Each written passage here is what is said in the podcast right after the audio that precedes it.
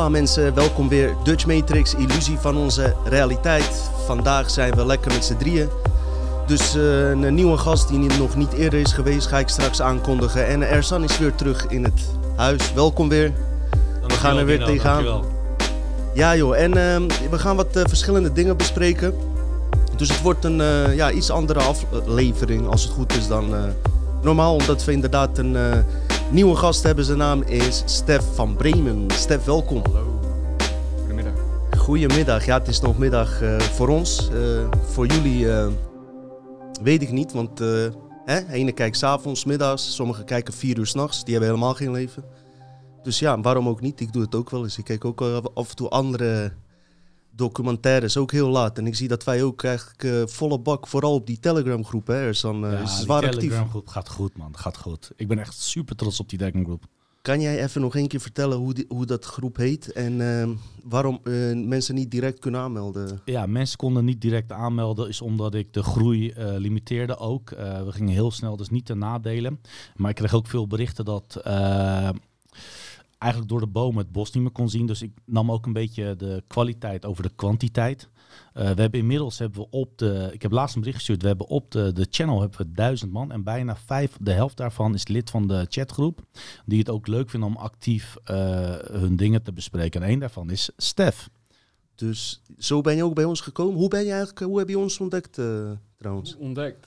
Dat begint dan met het hele rabbit hole van conspiracy verhalen, begint aan YouTube. En in één keer kom je bij Dutch Matrix. Oké. Oh, dat is interessant. Dan begin je met één aflevering en een tweede en een derde. En dan... Uh... Ooit weet heb je ze allemaal gezien. Oké, oké. Hoe heette de groep nou? Uh... Dutch Matrix. En als iemand het niet kan vinden of niet kan inloggen, dan kan je naar aapstaatje is van mij aan elkaar. Kom je bij mij uit en mij kan je ook altijd een bericht versturen. Oké, ik zal het nou eindelijk ook in de linkomschrijving zetten. Dus als je niet direct geaccepteerd wordt, komt het wel. Alleen er zijn wel het gecontroleerd doen. doen. Controlled opposition is hij.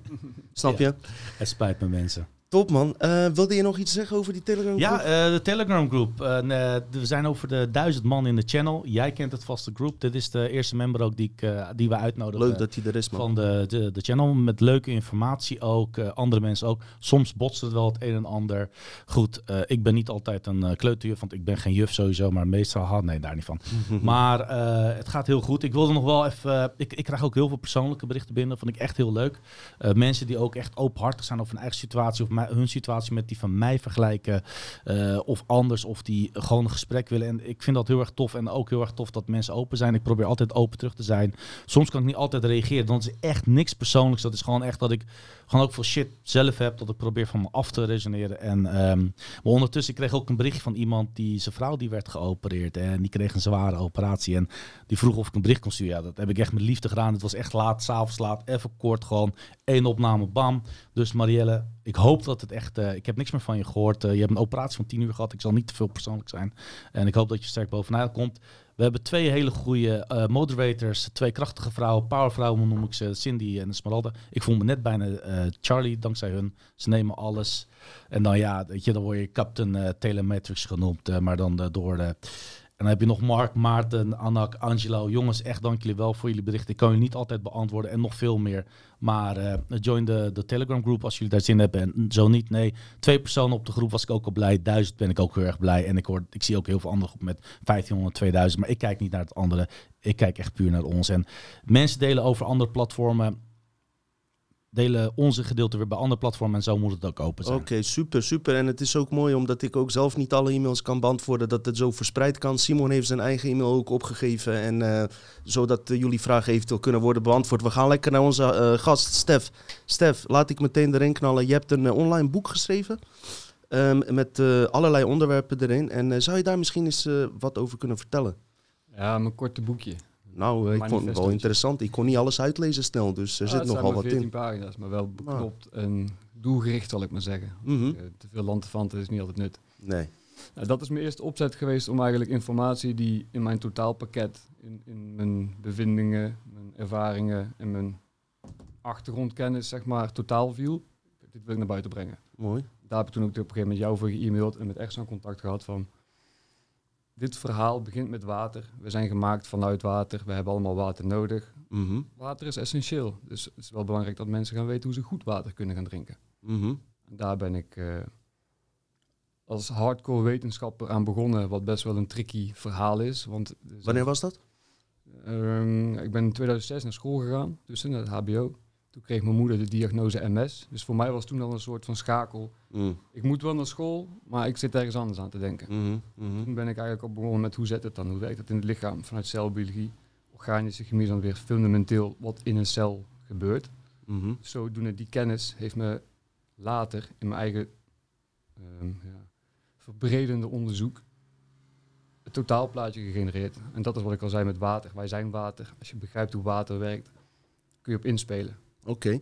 Ehm, kan je een voorbeeld geven hoe een gemiddeld persoon die nu kijkt, en wij ook, eh, die eigenlijk eh, vrij weinig meedoen. Hè? We zijn wel bekend dat er stoffen in water zitten die er niet horen te zitten en eh, alles. Wat zou de eerste ja, makkelijke stap kunnen zijn om zeg maar, iets daar invloed op te hebben? Nou, deze hadden jullie ook nog niet gezien, dus dat geldt ook voor Ersan. Oh, bij de microfoon. Heb ik hem zo in beeld? Ja, ik kan er ook een foto van maken en dan Doen erop zetten. Mhm. In ieder geval voor jullie zicht. Dit zijn magneten. Dit heb ik nu de Noordpool ervan afgehaald. Mhm. En bij deze hetzelfde. Om dat aan te tonen. Kijk, dat weert elkaar. Draai ik er eentje om. Dan plakken ze. Mhm. Mee eens? Het is wel een hele sterk magneet. Stef. Nu draai ik er weer eentje terug om. Doe je dat ijzertje ertussen. En nu kun je de Noordpool er doorheen duwen. Omdat het ijzertje ertussen zit. Dat buffert min of meer. Maar wat er nu gebeurt met een waterleiding als hier water doorheen stroomt. Water is een micromagneet. Als je H2O, klein haatje, kleine aatje, grote O. Het creëert een dipoolmoment. En dat dipoolmoment is praktisch gewoon een magneet.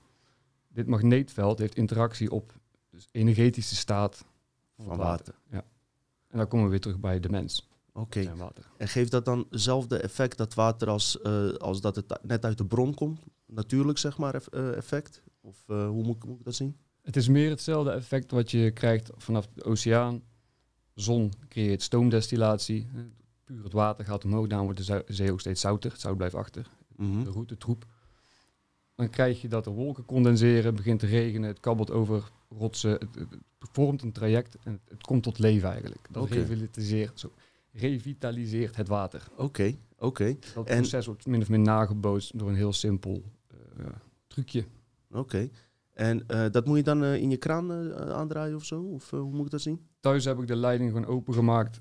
En heb ik elf van die kleine aan één stuk en elf andere aan die andere kant. Op elkaar, noord op Noordpool.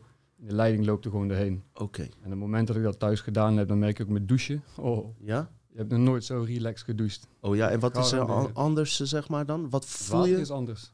Hoe voel je dat? Ja, ik lust toch wel een jointje in mijn leven. En op het moment dat ik toen gedoucht had, was alsof ik zo'n joint, tien Ja? tegelijk- ja, ik kan het niet anders beschrijven. Heel mijn cortisol was gewoon Ik had, ik had zo'n gevoel toen ik in Zwitserland op vakantie was, toen, toen ging douchen. En toen werd er mij verteld dat er minder kalk in het water zat. Dat is een grote speler ook wel, ja. Als grootspeler ook. Ja. Ik zie het steeds meer als water is een potentieel oplosbuffer voor van alles en nog wat. Maar wat is nou exact oplossen?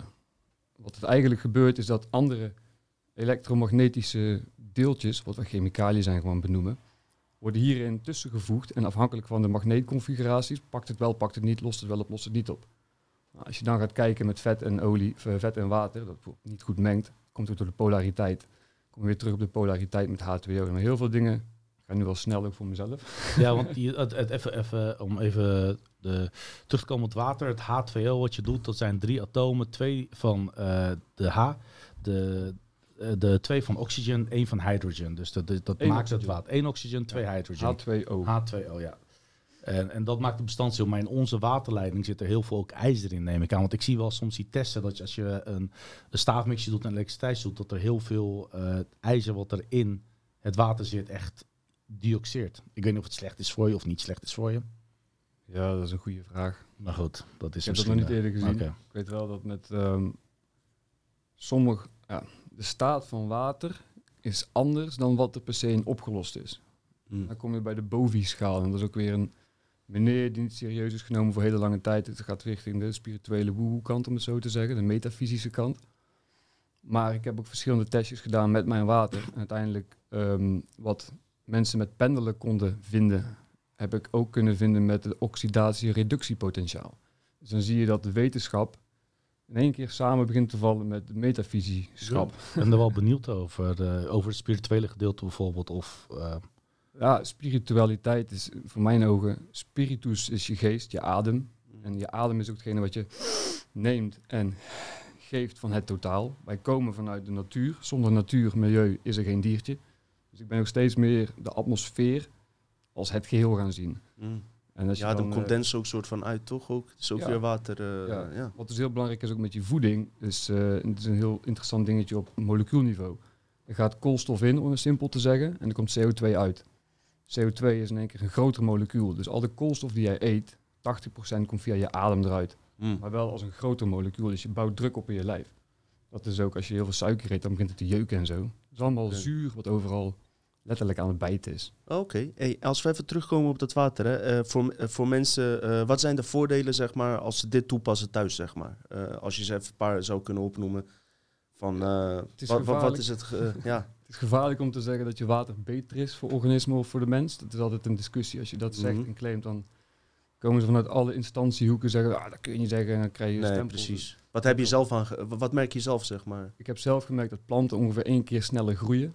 Ehm, er is een man in Apeldoorn, die heeft hele mappen vol met data. Die heeft velden met aardappel, graan, maïs, noem het op, getest. Met zijn water. Of net iets ander verhaal, maar hij speelt er met frequenties op water en ook op zaden. Mhm. En dan zie je dat de zaad zelf veel meer vrucht kan dragen. Nou, en voor de eh, wiettelers onder ons. eh, ah, eh, werkt het ook met kunstmatig licht eh, even goed? Het, het is het water wat het doet, dus Ja? ja, zeker. Oké, man. Oké. Ehm, merk je een lichamelijke? Je zei net dat, je, dat het eh relaxed, on- ontspannend gevoel geeft na het douchen. Ja. Zo, dat kan ik me bijna niet voorstellen. Waardoor je me dat, maar het zal best, anders ga je, ga je het niet zeggen. Eh, zijn er nog andere dingen waarvan je denkt van... eh, ja, dit, eh, het heeft wel zin om dit te doen, zeg maar. Ja, anekdotaal zijn er wel mensen die een paar slokken water namen en iets in hun brein voelden loskomen, zal ik maar zeggen. Dus ook een soort ontspanning in één keer ontstond. Ehm, ik heb een, een glasplaat wat testjes gedaan met, even denken, opgelost wat zout, opgelost wat suiker, opgelost wat van het vloeistof, zeg maar, een, een stof die betere vloei genereert in een, een, surfactant. En water zelf op die glasplaat druppeltjes gedaan. Mhm. Uiteindelijk met het indrogen van die druppels zie ik een ander kristalraster afzetten. Oh ja. En dat is natuurlijk nog heel bazaal qua mijn, mijn gegevens en data. ja.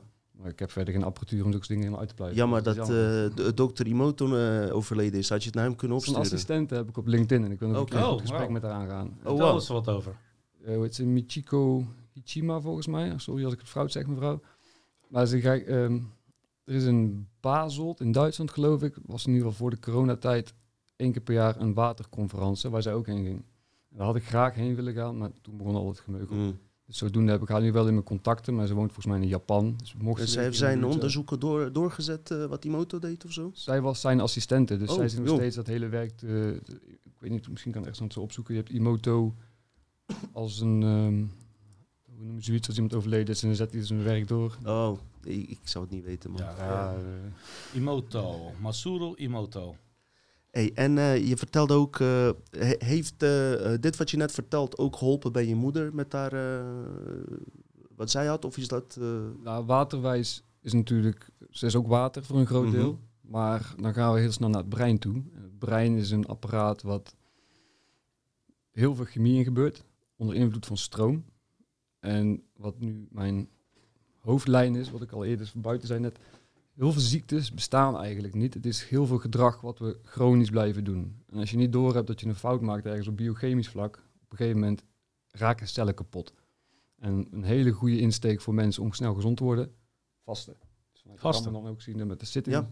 Religie gebeid Oh. tot mijn doel, alleen Ja. het is helemaal Ja. gemanipuleerd en fout gegaan. het is jou gelukt, 40 dagen, hè? Het is mij gelukt voor 30 dagen, ja. ja ik, Voor 30, eh, ik, de laatste aflevering, ik had ook echt geen kracht meer om te komen. Nee Ik joh, wilde maakt ook dus niet. Ik kon niet meer nadenken, ik kon niks meer. Dit- Ik, ik vond het voor mijzelf pittig, maar ik ken mensen die drie maanden doen, 90 dagen. En ik zwaar respect voor, maar die mensen die zitten helemaal in geloof. Ja. Ze hebben ook, ook een keer test gedaan van welke mensen zijn het gelukkigst. Er kwam eigenlijk op neer, alle gelovige mensen, mensen die een geloof hebben, want hun geloven zo sterk in iets, Die houden ze, hebben ze een houvast. hebben ze een houvast. Zelfs als ze doodgaan, geloven ze, vinden ze het niet erg, want ze komen daar. Mhm. Dus, het, eh, en dan heb je ook de kracht om meer te vasten. Maar ik ging gewoon echt letterlijk kapot. 30 dagen geen eh, vriendje Heineken bijvoorbeeld. Maar nee, Ja. maar... eh, dat was nog het ergste.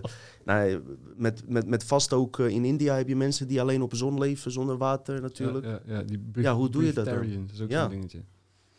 Het heeft wel zijn voordelen voor het lichaam. Reiniging van lichaam, detox eh, komt ook eh, vaak eh, voor de Ja, laatste het tijd. is, eh, dan kun je heel veel dingen tegelijk nu pakken in één verhaal. Mhm. Wij zijn elektromagnetische wezens. En als je daar te veel uithaalt, dan is de batterij leeg. En als je het weet in te stoppen, dan gaat de batterij vol. ja, je bij ziet, een beekje staan, bij de zeerand staan, rivier of het watervallen. Dat zijn allerlei luchtioniserende processen, waar je dus een ander elektromagnetisch veld hebt, waardoor Peter? je op kan laten. Op zo op Oké. kan laten. Ik heb, ik heb ook wel eens gehoord van eh, Tom Cruise op zo'n eh, van een of ander hotelgast. die zei van eh, die, die hebben een boekje open gedaan. Die man die bleef Evian water bestellen bijvoorbeeld. Continu achter elkaar. Maar als je naar Tom Cruise kijkt, die gast ziet er nog uit of die 20 of 30 is bijvoorbeeld. Ja.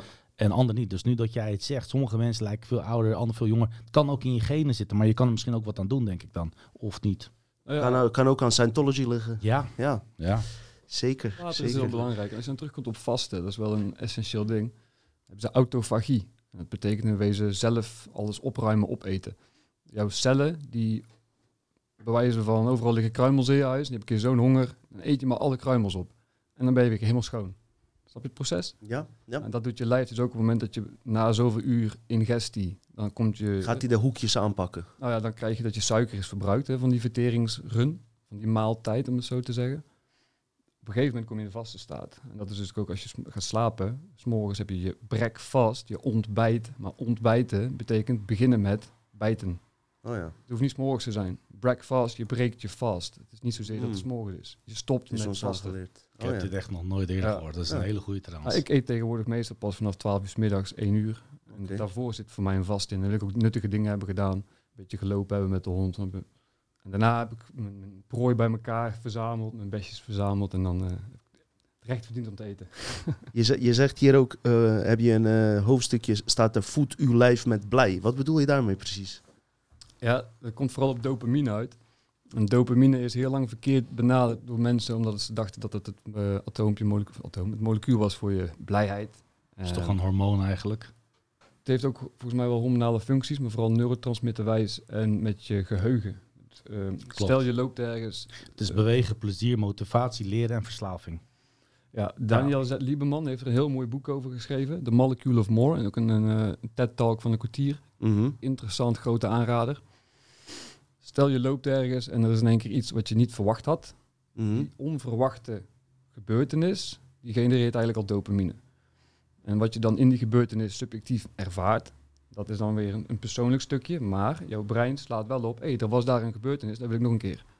Afhankelijk wat. Dat kan positief of ne- negatief zijn. Ja, dat is het gevaar van dopamine. Het werkt twee kanten op. Ook bij enge dingen, gevaarlijke dingen. Als je heel erg schrikt, dan zegt je brein ook, oh, dit moet ik opslaan, want dit wil ik nog een keer meemaken. Maar zo doe je het ook voor positieve dingen.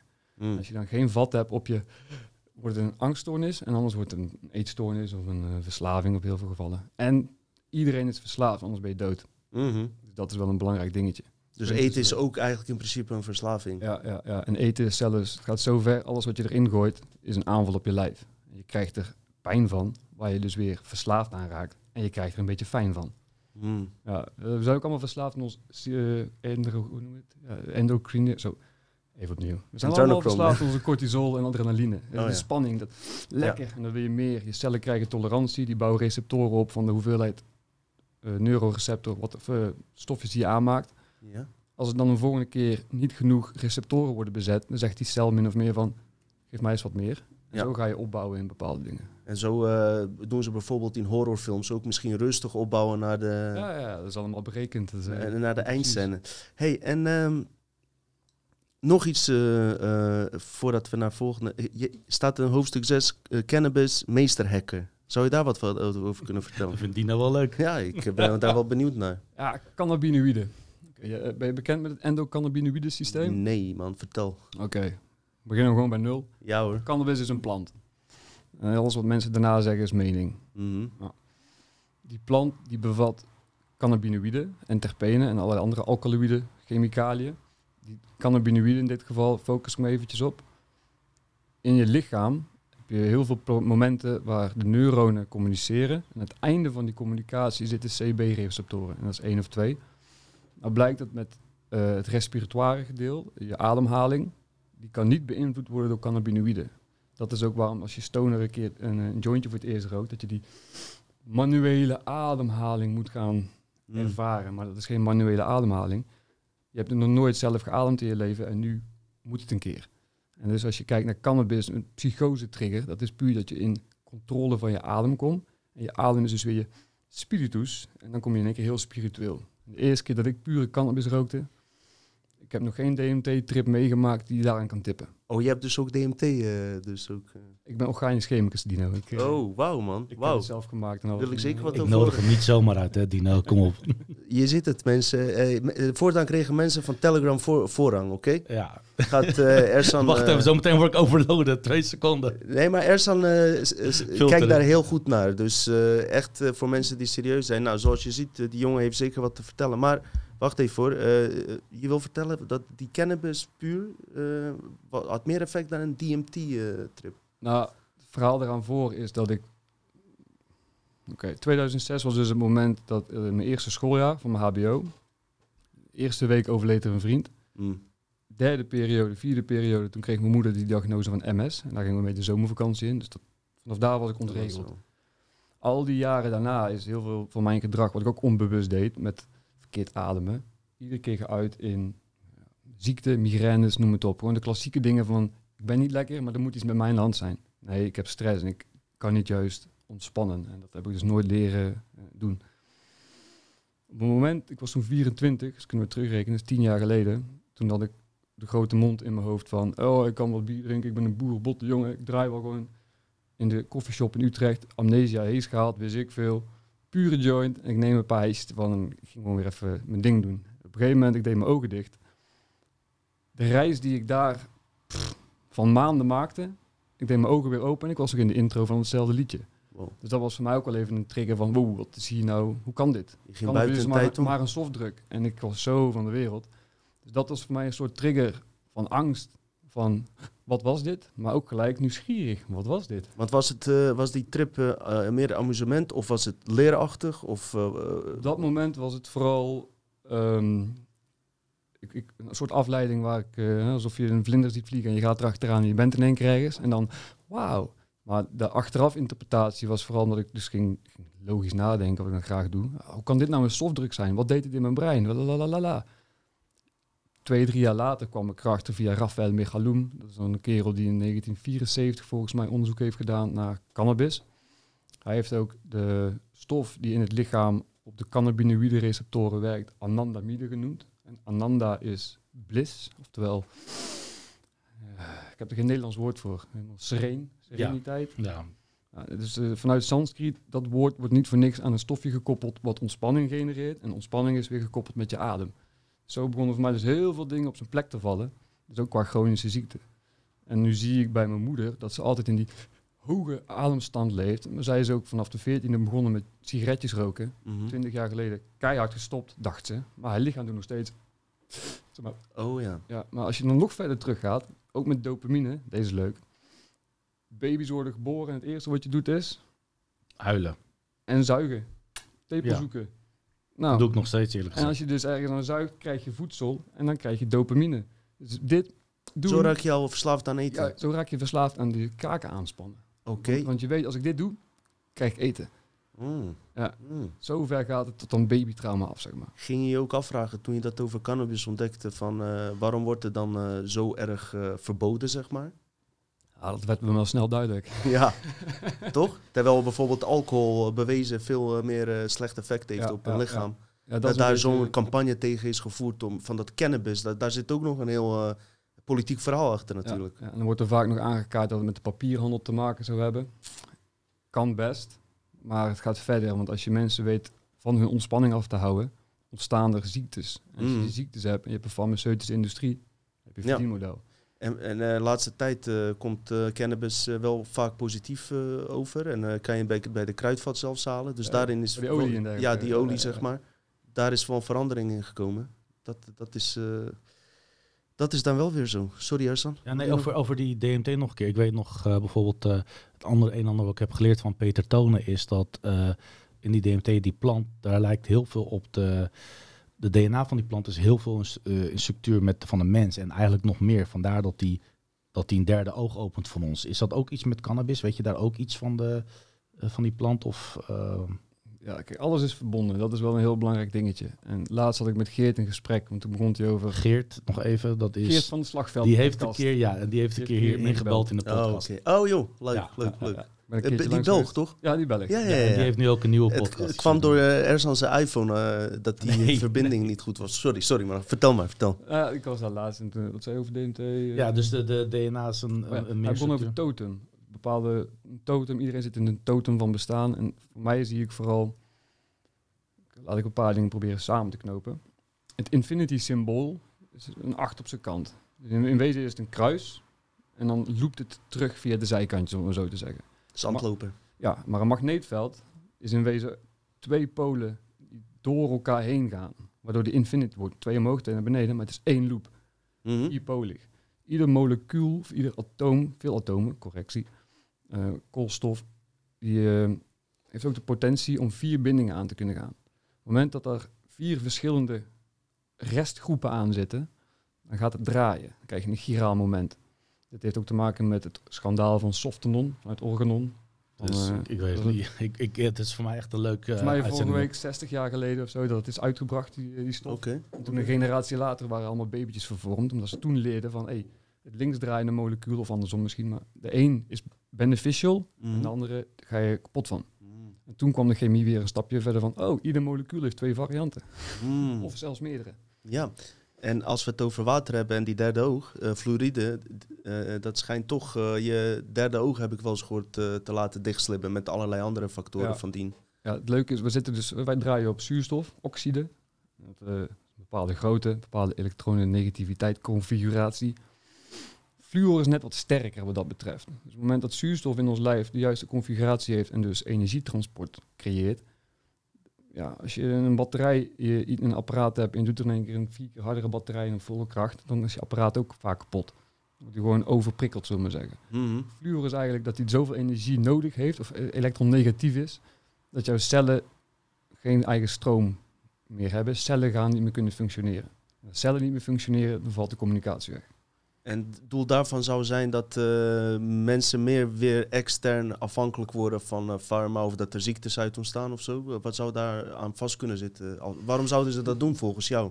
De fluoride in water gooien, fluoride. Ik denk, oeh, daar ging mijn stoel. Oh, Geeft niet, geeft niet.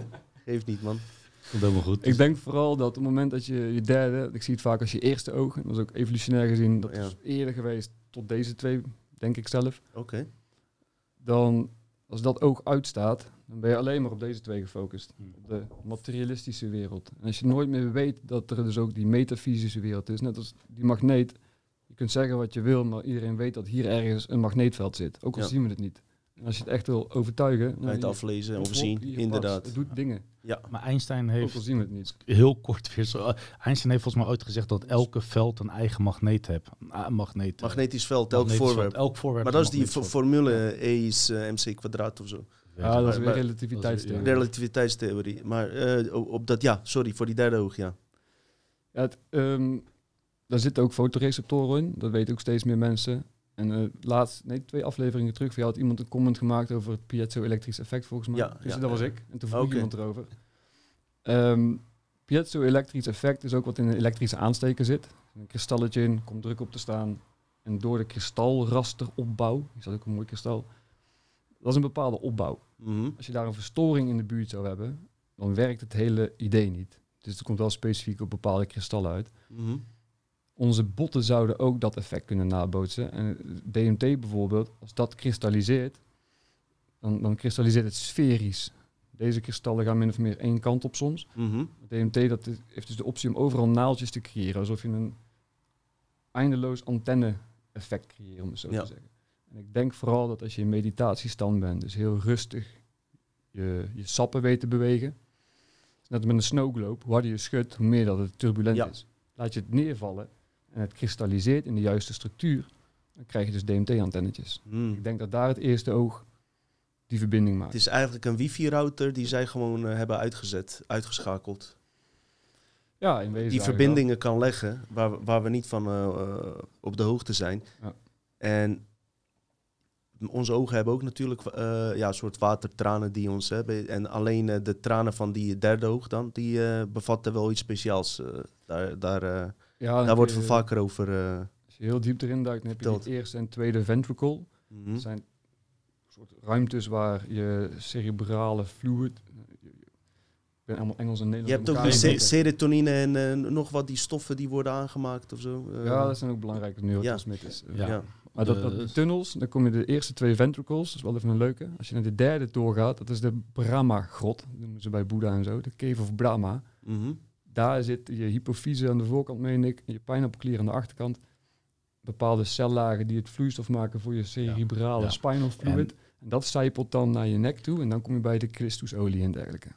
Christus, Christus, Christus. dat is ons eh, bewustzijn. Kri- kristal, Dus als je Christus. die olie naar je, hier naar beneden weet te zijpelen, is dan het verhaal. Tenminste, vanuit die vierde, eerste, tweede ventricle naar de derde ventricle naar de vierde ventricle. Ja. En dan kan het spinal cord naar Ja, beneden gaan. Hier zo, waar de plug-in bij je matrix zit, wat Simon zei. Ja. En dat is dus het mooie ook waar ik leuke gesprekken met hem heb gehad, is dat datzelfde klier, dat wordt als je nadat je, dat je in je puberteit komt, wordt dat soort van afgeschermd. Dus het, je had het laatst over dat kinderen de geesten zien en dergelijke Ja. en andere werelddimensies niet in tijd kunnen leven. Er zijn ook echt veel films over, veel theorie over. En dat gaat dus dichtslippen ook. Ja, zelf heb ik een soort halve theorie, wat op zich best logisch is, maar laat ik me jullie voorstellen. Mhm. Want nogmaals, die magneet heeft een fysiek deel en een metafysisch deel. Alles is in onze zogenaamde realiteit duaal. Dat is dus onze interpretatie van dingen. Je hebt een gedeelte dat je wakker bent en een gedeelte dat je slaapt. Maar het is één dag. Ja. Dus eigenlijk is er geen verschil. Nee. Op het moment dat je gaat slapen, dan neemt je binnenste oog de overhand. En die andere twee, die vallen langzaam weg. Als je alleen maar iedere dag op deze twee ogen bent gefocust en niet eens je dromen serieus neemt, wat je niet kunt dromen, dan ben je niet eens meer bewust van de samenspel van die drie ogen eigenlijk. Mm. Als je wakker bent, laat ik zeggen, 99% deze twee ogen, 1% de binnenste. En sommige mensen wat meer, waardoor ze dingen zien, aura's zien, dingen voelen. Maar zoveel mensen die zijn dat het derde oog, eerste oog is gewoon compleet niet meer werkend wat dat betreft. Als je dat Daar wordt toch ook alles aan gedaan eigenlijk. nou ja, dat was ook bij mij wel het geval. In één keer werd dat geforceerd, ge- gepusht via die cannabinoïden. Ja. Het brein begon goed te werken. En in één keer was het full blown, wauw. Oh, wow. Het is toch ook eh, opvallend dat eh, mensen als ze blowen hebben over spacen. Dus weet je, Ja, ja, ja. je gaat over dit soort dingen dan blijkbaar nadenken door een of andere reden. Hoeft niet per se. Niet ook dat met de Indianen toch ook, die uh, vredespijp roken, en zo, vredespijp roken. regen dan. Bijna alle dingen die we doen aan cultgroepen, heilige groepen, mantras, noem het op, is niks anders om dat stukje te vinden in jezelf, waar je dan in één keer je eerste ooginterpretatie van deze wereld kan doen. Heb Ja. ik zelf het idee. Wat, wat wel bij mij raar is, is dat ik, ik ben geen blow, ik gebruik soms wel die druppels vanwege migraine en dergelijke, die helpen echt goed, maar die onderdrukkend dan. Maar wat ik wel heb, is dat ik, als ik heb gebloot, vooral met wiet en minder met hash, dan kan ik niet dromen. En als ik bijvoorbeeld vier dagen heb gebloot om te kunnen slapen en de vijfde dag niet, dan krijg ik onwijs van die nachtmerries, weet je wel. Dat, ik weet niet. Inhaalslagen misschien. Misschien ja. Of dat je ze vergeet, die dromen. Dat, dat, is- zou ook dat kunnen. zou ook kunnen. Waarschijnlijk natuurlijk. vergeet je ze. Maar eh, wat, ik, eh, wat je net zei, eigenlijk zijn die, al die verschillende dimensies aan elkaar verbonden. Dus die metafysisch level die via je eh, derde oog gaat, als je die bijna niet gebruikt, maakt die geen connectie met deze werkelijkheid. Dus die, die, die werkelijkheden zijn minder aan elkaar verbonden. Bij zo'n persoon misschien, zou je kunnen zeggen. Of bij ons ook. In wezen Weet wel, en dan kun je waarschijnlijk wel op neuroplastisch vlak gaan kijken, bedenken dat als een bepaald stuk van het brein nooit eh, kan communiceren met de rest, Mhm. Dat alsof je het kindje in de klas bent die alleen maar genegeerd wordt. Dat, dat is nooit prettig. Maar het Nee. gaat wel een probleem opleveren uiteindelijk. Want dat Ja. kindje komt wel eens met een geweer terug, zien we dan in Amerika. Ja, ja, ja. Ja, maar dat is ook in het brein. Als je een deel gaat onderdrukken zonder dat je het doorhebt, vroeg of laat komt daar een keer een spanningsboog uit. Net als met een zonnevlek. Je ziet zo'n zon één keer pats. Ja. Knalt gewoon alle kanten op waar men heen kan.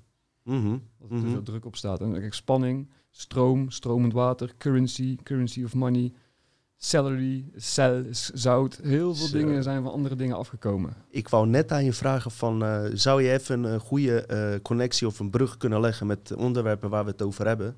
En eh, ja, je zegt het nu al zelf eigenlijk. eh.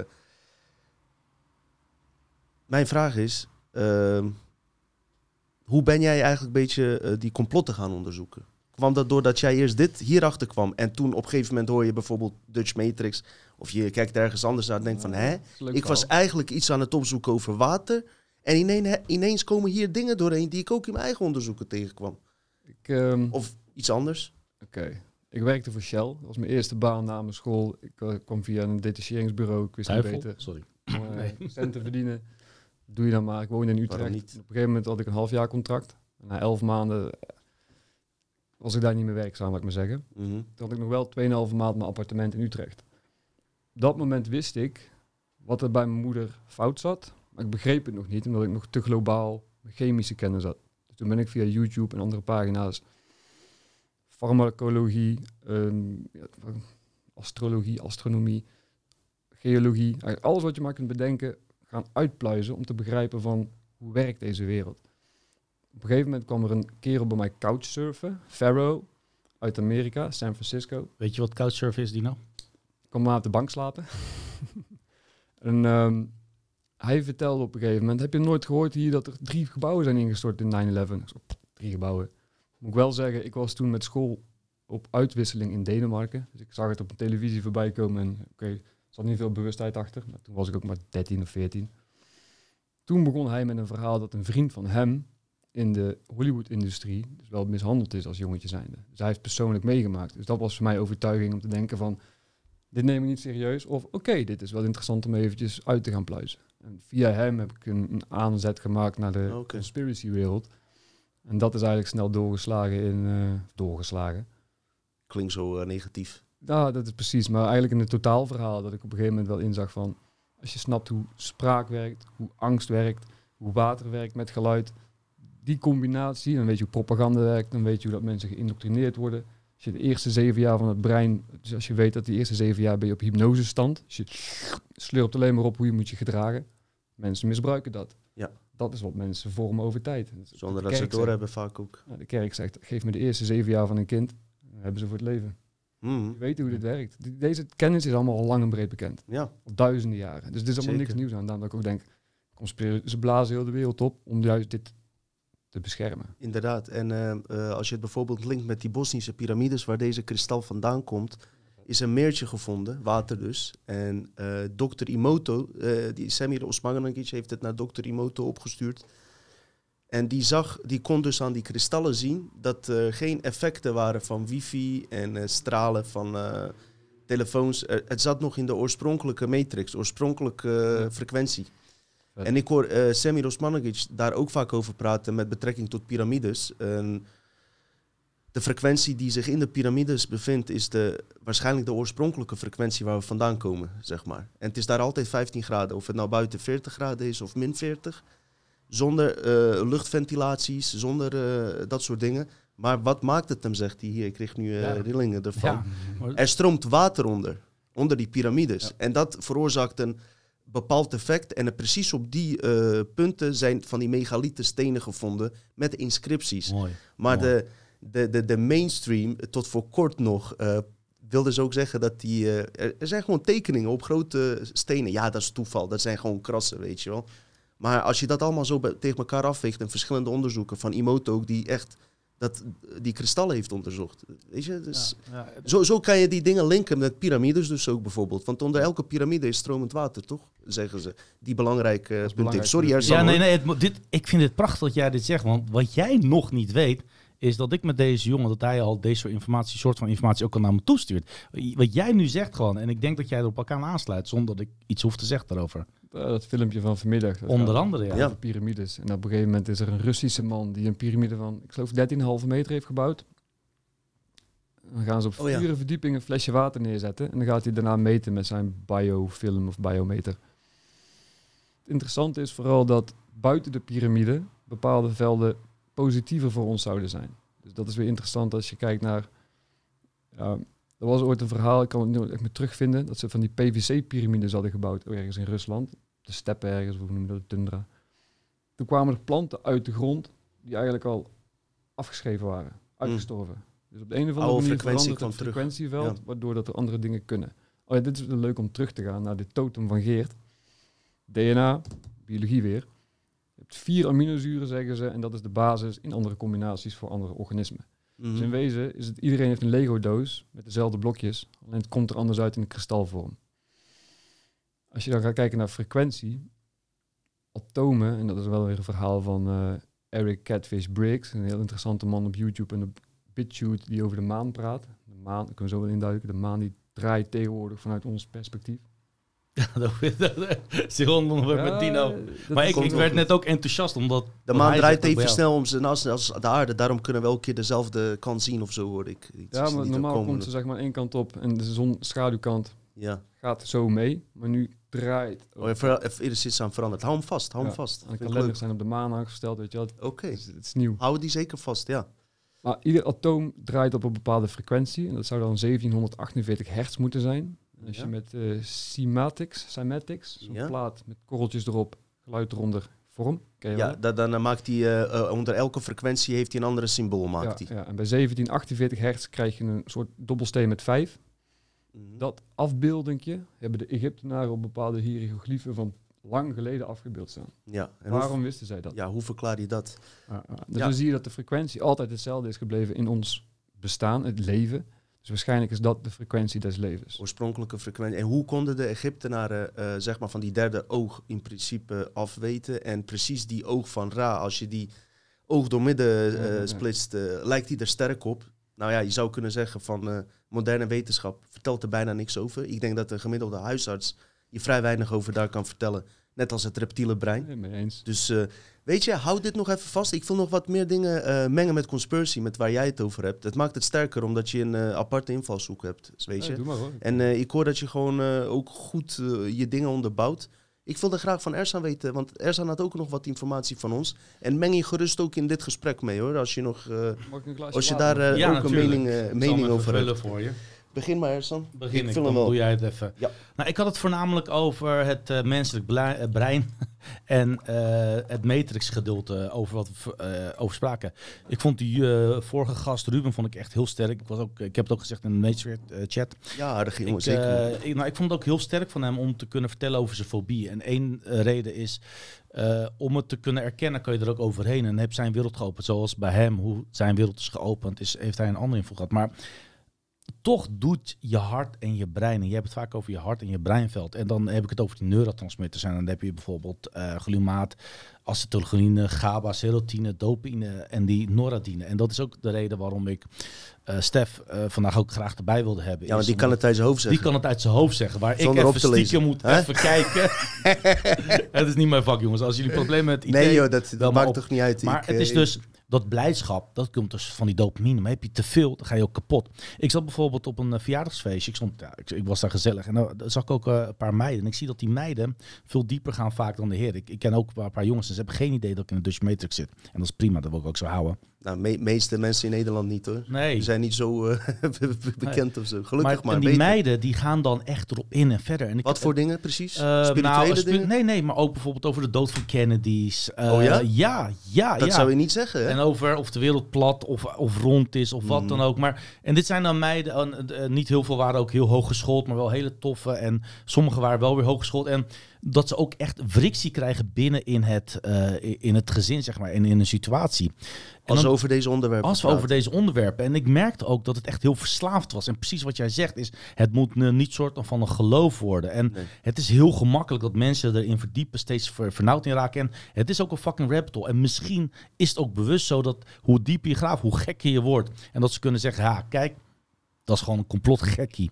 En ehm, ik denk dat je ook moet weten, stel dat je, het is, het is misschien ook echt een, eh, want we zijn allemaal fotonen hier. En je hersens, eh, die worden ook aangestuurd door energie en ook door fotonen. Je iris van een oog, die lijkt heel erg ontzettend veel op een nebula van, op, van een wereld. En Je liet het die- net zien, Ik liet Bizar. het net zien. En ik, ik kan, misschien wil je er ook een paar erin plakken. Oh, dat zal ik zeker doen. En eh, hoe, hoe een MRI-scan wordt gemaakt door middel van dat de fotonen botsen in je hersenen kunnen zien waar de meeste druk is en eh, hoe die, wat hij net allemaal uitlegde, waar net de meeste energie op gang komt. Dat lijkt weer heel erg weer op, op ook op het universum. ja, maar als universum onderzoeken ze door miniversum te onderzoeken, toch? Want jouw, eh, je kleine. Ja, jouw hele, eh, ons lichaam is een universum. Ja. En cellen zelf gedragen zich zo. Ja. Dus het is voor hun veel makkelijker om dat te onderzoeken Ja. in plaats van alles naar de ruimte te Precies. sturen. En, en ik denk dan ook dat, je, dat wij gewoon als we het hebben over onze creatie en onze geest, ons lichaam is ook het universum. Mhm. Hoe, Mhm. hoe gek je het ook mag bekijken. Je hebt dus NPC's, maar de mensen die echt voelen en die echt zijn, dat is het universum op zichzelf of een verkleinde gedeelte daarvan. Mhm. Iets hoeft niet groot te zijn. En ja, nu ben ik, ik, ik ben zo enthousiast. Ik was bijna Je vertelde ook iets over een paar meiden die open waren over complotten. En ineens Ja. begon je hierover. Wat is connectie daarvan? Of was dat, nou, eh, ik, eh, het, het, omdat het- we het ja, tijdje jou niet het hebben gezien dat je het een paar dingen te melden Ze krijgen dus echt die dopamine-effect en ze krijgen dus ook echt die, die, die GABA. Dus dat is de, de angst, eh, de, de, de, de slaperigheid, de concentratie. Het wordt ook echt een verslaving. Dus de complotten is ook een, een vorm van verslaving, waardoor je dus steeds wordt aangewakkerd en steeds wilt. Maar je moet je echt kunnen afzonderen en reali- en realistisch kunnen zijn. Het leven Precies. gaat wel door. Ja, en dat is dus de reden waarom, ik, eh, waarom goed is dat deze jongen er is. Omdat hij in principe niet, eh, het is niet je hoofdvak, complot.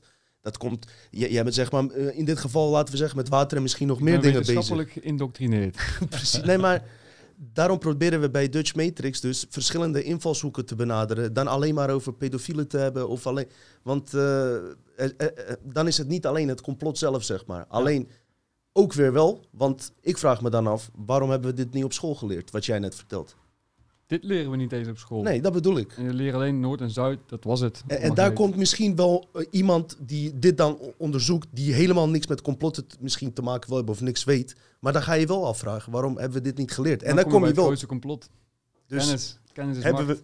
we, sorry, hebben we meteen een eh, overbrugging hoe iemand hier terechtkomt. Of een arts die bijvoorbeeld eh, gedwongen wordt eh, COVID te promoten en zelf donders goed weet dat, eh, dat het niet klopt. En ar- artsen zijn die het gewoon niet, wil, niet die prik wil geven. Ja.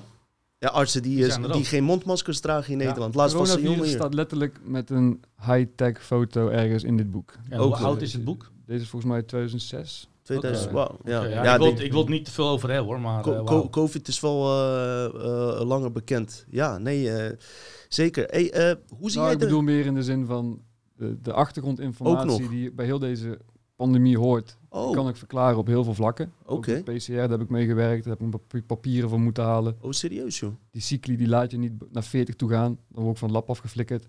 Doen ze over heel de wereld. Hm? Ja, Maar zo zijn er heel veel eh, simpel dingen wat je net zei. Samenzwering, conspiracy. Inspireren, expireren is respireren. Dat is je adem. Dus als je kon Prachtig. samen spireert, je samen aan het ademen. Wij zijn nu aan het conspireren. Omdat we Ja. samen ademen, omdat we samen praten. het zit al in de woorden gelegd. Hè? Alle woorden bevatten de betekenis van heel veel dingen die we onleerd zijn of laagjes nepheid overheen zijn eh, gemetseld, zal ik maar zeggen. Government, they govern you mentally. Juist. Ment is de... Wat was? Television program. That is tell your live vision to program you. Ja, ja, zijn er heel en dat, dat stukje dus ook is van, al leven we dus in die matrix, al is dit allemaal een virtueel bestaan. Ze, ze, ze maken het ons er niet moeilijker op. Het is echt hiding in plain sight. Ja. Maar toch moeten we doorgaan. Het is geen andere keus. Ik vond het wel tof dat je van Shell bent weggegaan. Dat vond ik wel tof. Aan de andere kant dat je gewoon die beslissing hebt kunnen maken. Ik kwam er ook maar puur terecht via een detacheringsbureau. Ik zou dan nooit voor mijn eigen keuze per se willen werken. Maar ja, je bent net klaar met school. Ik ben in 2016 afgestudeerd. Nou, het is maand toch wel eens goed als je denkt, eh, ik ga bij Shell werken. Ik had het ook terecht. gedaan. Ja. Ja, ik woonde toen in niet? Utrecht en ik wou graag in Utrecht blijven wonen. Dus ik denk, nou, dan heb ik een goede baan. Kan ik daarna verder gaan kijken? Ja. Daarom was het ook een half jaar contract. En na elf maanden was ik dus gewoon... eh, het ging niet meer. En uiteindelijk heb ik daar wel heel interessante dingen gedaan. Daar kunnen we het ook nog vaak over hebben. Oh. Katalysatoren gemaakt voor de petrochemische industrie. Als Dat is olie, benzine. Ja. Ja. alles wat uit de aarde wordt gepompt op het moment als je die zwarte dikke drap hebt, waar ze het ook vaak over hebben met black goo. Oh Een ja. heel interessant dingetje. Ja. Die zwarte drap is hele grote koolstofketens en die wil je kleiner maken, kraken zeg maar. En katalysatoren, dat, je hebt ook van klein naar groot, dat je gassen wil uitbreiden tot weer benzine of diesel. Dat is wat eh, ik vooral daar deed, is die katalysatoren ontwikkelen. En dan krijg je een spons, maar dan op hagelslagniveau, heel klein steentje met kleine gaatjes. En dat gas wordt daar doorheen geperst. In die gaatjes zit bijvoorbeeld platina of andere metalen afgebed, zeg maar, ge- geïmpregneerd. Daar vormt een reactie. En omdat die tunneltjes een bepaalde grootte hebben, kunnen andere materialen daar niet in. Dus ook je reactie sturen. En zo hebben ze ook ontdekt als je veel mensen ziek zijn. ehm, actieve kool is ook een soort zeoliet, kristalraster, wat bepaalde dingen kan opnemen waar je beter van kunt worden. Zeoliet, zand, bepaalde soorten zand. Heel veel honden zie je zand eten. Ja. Allemaal om dat systeem te neutraliseren, omdat je rotzooi ergens hebt zitten. Ja, en eh, wij kregen constant, eh, als we dan eh, iets hebben, gaan we naar, natuurlijk naar een farma-industrie. Ja, Terwijl het eigenlijk eh, natuur, ja, dat is een bekend eh, verhaal ook. Ze pakken het wel heel eh, van alle kanten aan, zeg maar. Ja, Als je zo dat gaat onderzoeken. weet hè. op een gegeven moment niet meer wat echt of nep is. En dat is wel iets wat ik ben gaan filteren. Van wat is hier nou Ja, echt aan wat ik allemaal aan woorden gebruik alleen al. ja. Ook als je jezelf gaat onderzoeken, heb ik ook wel eens gehoord, dat vond ik wel een goeie. Is ga vooral onderzoeken wat je niet allemaal bent en waar je dan uiteindelijk op uitkomt. Want ja, wat ben je nou eigenlijk? Je wordt geboren en vooral die eerste zeven jaar in die hypnose.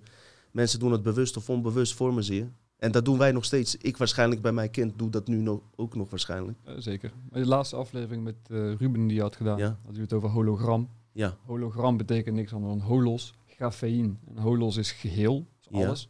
En grafeïn is staat geschreven, staat beschreven. Mm, Dus het is weer een woord wat gebruikt wordt om ons bang te maken. Dat je denkt, ik ben maar een hologram. Ja, maar mm. Je hebt gewoon weer een woord wat gebruikt wordt. Wees niet bang, zijn. Klopt. Eh, wat ik ook altijd in de podcast heel duidelijk wil maken, is dat we niet eh, zo'n eh, standaard matrix-theorie hebben van dit is maar een spel, dit is maar een hologram. En wat er gebeurt maakt allemaal niet uit, het is toch maar een spel. Niet- Wat ik altijd erbij vermeld is, er spelen oorspronkelijke realiteit die niet holografisch is. En deze holografische spelen door elkaar heen. Dus dit kan wel een hologram zijn, maar je ervaring is wel echt. Ja. Dus in wezen als je naar een film kijkt en je kreeg dat schrik-effect, je lichaam reageert erop alsof het echt is. Alsof het een echte gebeurtenis is, misschien iets anders. Dus we moeten het ook zeker wel serieus nemen. Dat het, dat me- want dat, die, dat hologramtheorie is er misschien ook dan inderdaad ingegooid van... eh, maak je geen zorgen, je zit in een game, weet je een wel. beetje moraal Doe niks. Ja, precies. Doe Maak- niks. Doe maar niet zoveel. Het is maar een hologram of Ja, het is maar een ja. test. En eh, daarom is het goed dat we dit bespreken. Heb je eh, qua spiritualiteit zelf, doe je daar iets mee? Of hoe zie je dat? Hoe kijk je daar tegenaan? Ademhaling is een verrekt is interessant onderwerp. Mhm. Ik durf te garanderen dat alle ziekte begint door een verkeerde adem. En als je dus niet je genoeg CO2 uitademt, dan krijg je verzuring op je locatie, in je weefsel. Als je verzuurt, kun je geen DNA-transcriptie meer doen in je cellen. Gaat je cel kapot. Ja. Op het moment dat je goed ademt, dan beïnvloed je de pH. En als je pH goed is, dan kan alles, al je biochemie worden gedaan. Zo simpel eigenlijk. Ja, zo simpel. Maar als die pH, bijvoorbeeld je bloed, wil je 7,35, 7,40 hebben qua pH. Ja. Ietsje erboven of eronder en je hebt, wat is het, sepsis, bloedvergiftiging. Ben je snel af. Dus die adem is zo cruciaal en we vreten de hele dag veel te veel rotzooi en dan zitten we stil. Je hoopt jezelf op met zuren, al die metabolieten. En dat zijn, zuren kun je zien als het positieve ion wanneer je een molecuul stript. En het Mhm. negatieve ion zijn dan de elektronen en die neemt de matrix van je mitochondriën, absorbeert dat. Ion, neo, Ah, de Zit erin verwerkt. Ja, ja, ja. neocortex. Ja, Dat is een heel interessant oh, even kijken, elektrontransferase complex. Zo vier Mooi. complexen van eiwitten op, de, op het membraan van de matrix. Dat is leuk dat het zo heet. Daar komt voedsel binnen, in ieder geval eh, hoe heet het, pyruvaat, dus bepaalde koolstofketen met nog een zuurstof eraan. Die koolstof wordt weer daar afgeknipt. En ehm, dus de, de zuren, de, de protonen zeg maar. En de elektronen worden ook geabsorbeerd op het membraan. Oké. Zo bouw jij stroom Heel op voor je heel proces brein weer te zelf. functioneren. Denk je zelf ehm, dat eh, artsen of mensen die hiermee te maken hebben, ehm, lichamelijk welzijn, zich ook misschien wat meer in eh, dit eh, holografische principe zouden kunnen verdiepen? Om misschien ook vooruitgang in hun eigen onderzoek, eh, om het iets begrij- begrijpelijker te maken. Ja. Hoe zit het eigenlijk? Ben ik benieuwd naar. Kijk, wetenschappers zijn er wel vol mee bezig, maar zo'n zo'n arts zou zich hier ook misschien eh, wat meer in kunnen Er zijn er steeds meer die er wel die kant op gaan. En het leuke is dat als je over arts begint, Terry Walsh, W-A-H-L-S volgens mij, een Amerikaanse MD, medical doctor. Zij kreeg ook MS. Ze zat net als mijn moeder in een zero gravity stoel, kon maar een beetje hobbelen. Ze heeft op een gegeven moment ontdekt via collega's die muizen- of rattenstudies hadden gedaan. Het draait om je mitochondriën. Toen is ze drie maanden consequent iedere dag rauw voedsel gaan eten. En vooral groenten, groene bladeren. Ze rent, fietst, loopt weer. Wauw. Hoe is het met je moeder nu trouwens? Mijn moeder die gaat iedere dag wel fysiek beter. Alleen het is nog dat ademen zit nog heel erg dwars. Ja. De, de, de, de schrik. Het is toch raar dat we allemaal eigenlijk de basisbehoeftes niet meer weten Terwijl- van onszelf. Ik weet zeker dat ik ook nog steeds niet goed adem. Terwijl jij het heel goed weet en heel goed uit kunt leggen aan je moeder, rustig zitten, toch erin gedoctrineerd waarschijnlijk. Ouder-kindrelatie is ook een moeilijk om serieus ja, te Ja, worden. dat is ook heel lastig. Ja, ik, ik weet alles van, ik ben vader van twee. Maar even, even terug te komen op die ademhaling. Hè? De oudste man ter wereld hebben ze ooit gevraagd. En dan zeg ik oud. Hè? Hoe oud denk je dat hij is? Hoe oud denk je? 120, 40. Je hebt stiekem misschien gekeken. Ik heb Nee. nummer gezien, maar De oudste man, 256 jaar oud. Wat? Ja. Gedocumenteerd. Gedocumenteerd. Li Chen Yuan. Jo. Die hebben ze dus, het is niet helemaal bewezen, maar ik ga er wel vanuit. Die hebben ze dus gevraagd, wat is jouw geheim? Weet je wat zijn geheim was? Water. Ademhalen. Ademhalen. Hij zegt gewoon ademhalen. Hij gebruikt zo min mogelijk energie. Hij zat op altijd een rustgevend moment. En hij zei altijd, wat heel belangrijk is, is je yin en yang. En je yin en yang Mhm. is in principe wat hij ook zegt, als je balans. Dus je kan wel alleen gezond eten, maar als je gezond geest niet sterk is, dan ben je weer eruit. Dus alles moet in balans zijn. Dus te veel dopamine is heel slecht voor je. Te veel serotonine is te slecht voor je. Daar krijg je ook helemaal ziektes van. Dus balans in je lichaam, ademhalen en rust. Dus geen stress is heel goed voor je. Want jij was degene die ook En stress is essentieel om te ja, leven. want jij Dat zei een keer, dat is dus de stress, de, de, het factor dat je zoiets hebt van dat je alert bent. Ooit een keer ook gehad met hardlopen, had je ook verteld dat het te veel stress opleverde. Eh, Nou, ik heb een tijdje met een hartkastje rondgelopen. ja. Dat is van die elektronen meetapparatuur, zo'n kastje op knop drukken. En als ik dacht, ik heb een hartaanval, moest ik drukken en dan nam hij een hartfilmpje. Dat was dus vrienden verloren aan hartaanvallen. Altijd maar coulant gedaan, ik ben een stoere man, bla bla bla. Jaren later wist ik niet waar mijn stress vandaan kwam. Omdat ik dus alleen maar dacht, ik ga dood, mijn hart. Ja. Dat is wat ik continu aan het denken was. En als je dat Mm. denkt en je gaat er serieus op in, dan zit je alleen maar te voelen. In plaats van überhaupt nog te ademen. Je gooit heel de boel dicht. En op dat moment heb je al je cellen actief. Je produceert dus rete veel zuur. Ja. Als dat te veel wordt, dan gaan mensen knock-out. Dat is een noodsyne- eh, noodsysteem van het lichaam. Want als je knock-out gaat, dan gaat je dus weer Het, het is eigenlijk een eh, placebo-effect, toch? Aan de ene kant. Want omdat je eraan... Ja, en hypochondriër met alles tegelijkertijd. Ja, ja. ik heb in het boek Holographic Universe... Ik weet niet of je dat boek kent toevallig, van Michael Tablot. Dat een arts, wat had hij gedaan? Iets heel geks had hij gedaan. Hij kreeg iemand die was met de kanker gecon- geconstateerd.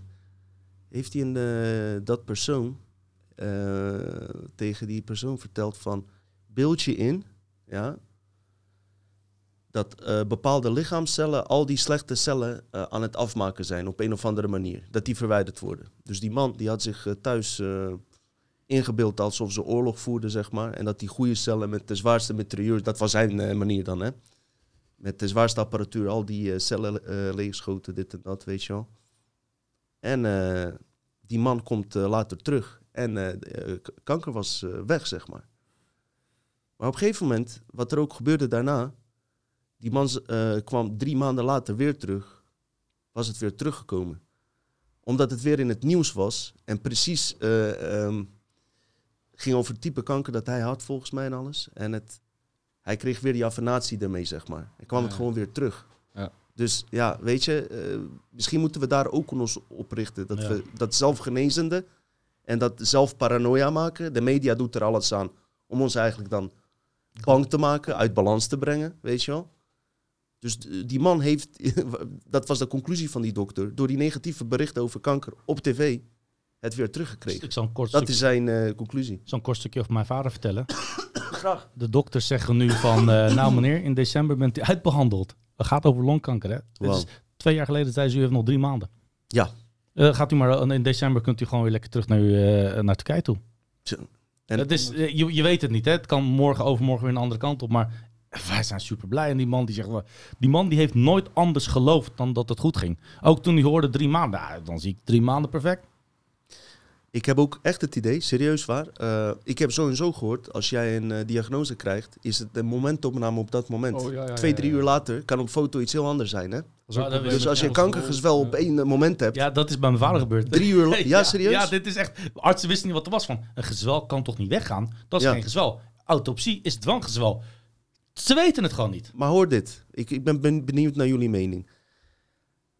Mijn uitgangspunt is altijd dat wij eh, eigenlijk ook, wat jij ook zegt, wij zijn zelf de oorzaak van onze ziektes ook. Omdat we onszelf dus niet onder controle hebben op bepaalde manieren. Misschien in ons balans eh, met brein, hart of yin en yang, maakt niet uit. Je ziet een dokter, zie je als best wel hoog staan, zeg maar. Dus als iemand op papier een röntgenfoto laat zien en eh, bam, dit heb jij. Of het nou waar is of niet, jij neemt dat zo serieus, dus een gewoon een omgekeerde placebo, waardoor je hem ook behoudt. Ja. Want ze hebben ook onderzoeken gedaan. Je hebt een eh, placebo-pillen, weet, voor mensen die het niet weten, dat zijn pillen, daar zit niks in. En eh, die geven ze aan mensen die denken dat het genezende eh, middelen zijn. En op een gegeven moment eh, ja, worden ze beter zonder dat er substantie in zit. De meeste mensen weten dit wel. 35%, bij 35% van mensen werkt het. Ja? Een blauwe placebo-pil. Maar op het moment dat ze het naar capsule veranderen, een rode, werd de percentage 56%. Omdat het menselijke brein eh eh, capsule zo en zo al serieuzer affineert. Professionele bewijzen van. Ja. Snap je? Komt het nog krachtiger over. Red pill misschien, weet je wel. 56%. Wat deden ze? Nog een... ehm, eentje deden ze met de injectie. Waar hij ook gewoon placebo was het, zeg maar. Ging al iets van naar 75%. En bij één persoon, of meerdere personen hebben ze onderzoek gedaan... hebben ze iemand geopereerd die ook een eh erge ziekte had. Ze hebben puur alleen zijn lichaam opengesneden en terug dichtgenaaid. Gewoon een nepoperatie. Ja. Boven de 90%. Niet. Snap je? Ja. Dat je zo overtuigd bent. Het is En gedaan. dit zijn echte onderzoeken, het is geen onzin. Hè? Echte Ja, doktoren. en er staat Holographic Universe. Ik zou iedereen aanraden om dat boek te lezen. Ik heb in mijn eigen boek wel, wel wat over verteld, maar daar staat het veel uitgebreider in. Voor mensen die het eh, diep willen weten. Voor, het- ja, sorry, voor het eerst dat ze geen placebo's hebben gebruikt met onderzoeken, is bij de coronavaccinatie.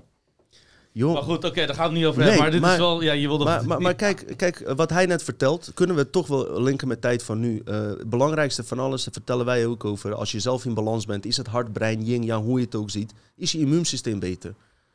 Als je de berichten ziet van afgelopen jaren, eh, weet je, toen Italië die corona uitbrak en je zag mensen op hun buik liggen, wat trouwens helemaal niet erg is. Dat is gewoon normaal. De normaalste manier dat je op je buik ligt bij zoiets. Maar omdat wij dat niet gewend zijn, onze brein sch- schrikt daarvan. En daar staat, weet dat donders goed, op de manier eh, van de stemtrilling van mensen die erover vertellen. eh, ook op de radio, die eh, hebben we met Simon over gehad, dat we ons irriteerde. Manier hoe iemand over corona praat, weet je.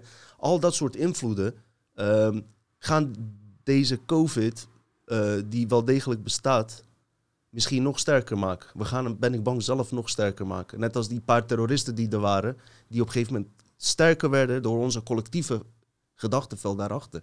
Dat is het enge ervan. Dat is het enge ervan. Wat ik jou wilde vragen, Gozer. Als je even naar verschillende complotten kijkt, bij ons heb je ook misschien een paar gezien. En eh, het is nogal een brede ja, scala. Wat vind jij interessant? Kan je een paar opnoemen dat je denkt van dit heb ik onderzocht, dit vond ik wel interessant. Hoeft hier helemaal niks mee te maken te hebben. Of een leuke waar je een... eh, Ja, er zijn heel veel dingen die als een sneltrein natuurlijk van het een Ja. naar het ander op een gegeven moment gaan. ja, Het hele JFK-verhaal. daar begon het mee waarschijnlijk een dat was beetje. wel een van de beginselen. Gisteren dat toevallig die film gezien. Wow. Nee, maar met de, de Magic Bullet. Dat is wel heel, heel raar. Maar oké, ik neem het deze. 9-11 was wel echt de druppel. Twee gebouwen en dan zie je een derde gebouw. Waarom praat niemand erover? Het staat niet in dat dikke commissieboek. Wat? Dit is raar. Maar zoveel, zoveel van die rare dingen was voor mij... Op een gegeven moment had ik een moment, ik dacht, niks is meer te gek. Dus laat maar komen. En toen heb ik ook eh, de complotwereld niet achter me gelaten, maar het intensief zoeken naar nog meer dingen. Ik dacht, er is zoveel, het is allemaal, alles is bedoezeld, be- vernept, omgedraaid. En dan Ja. kom je ook weer terug met de woorden. Als je helemaal van taal naar taal, Engelse taal bijvoorbeeld, die is helemaal opgebouwd. Dat zijn allemaal spreuken. Ben je bekend hoe water en geluid werkt? Ik weet wel dat eh, van water dat het geheugen heeft. Dat ja, weet dat ik wel. verhaal bijvoorbeeld. Hè, Ja. Bepaalde frequenties creëren andere kristalrasters. Oké. En dan zie je dus dat, eh, net als deze kristallen, stel je hebt nu H2O in een glas, fluïde, zullen we maar zeggen. Geluidfrequentie, dat zie je niet, maar die heeft invloed op hoe dat die H2O'tjes in hun magneetconstruct aan elkaar toe zitten. Oftewel, de frequentie wordt een soort van het metafysische, het geluid, naar het fysische getransfereerd. Dat is ook hoe het oor werkt. Wat ik hier aan geluid produceer, dat gaat bij jou in je oor, via het slakkenhuis, komt in het water, elektrisch signaal, boem, je hoort me.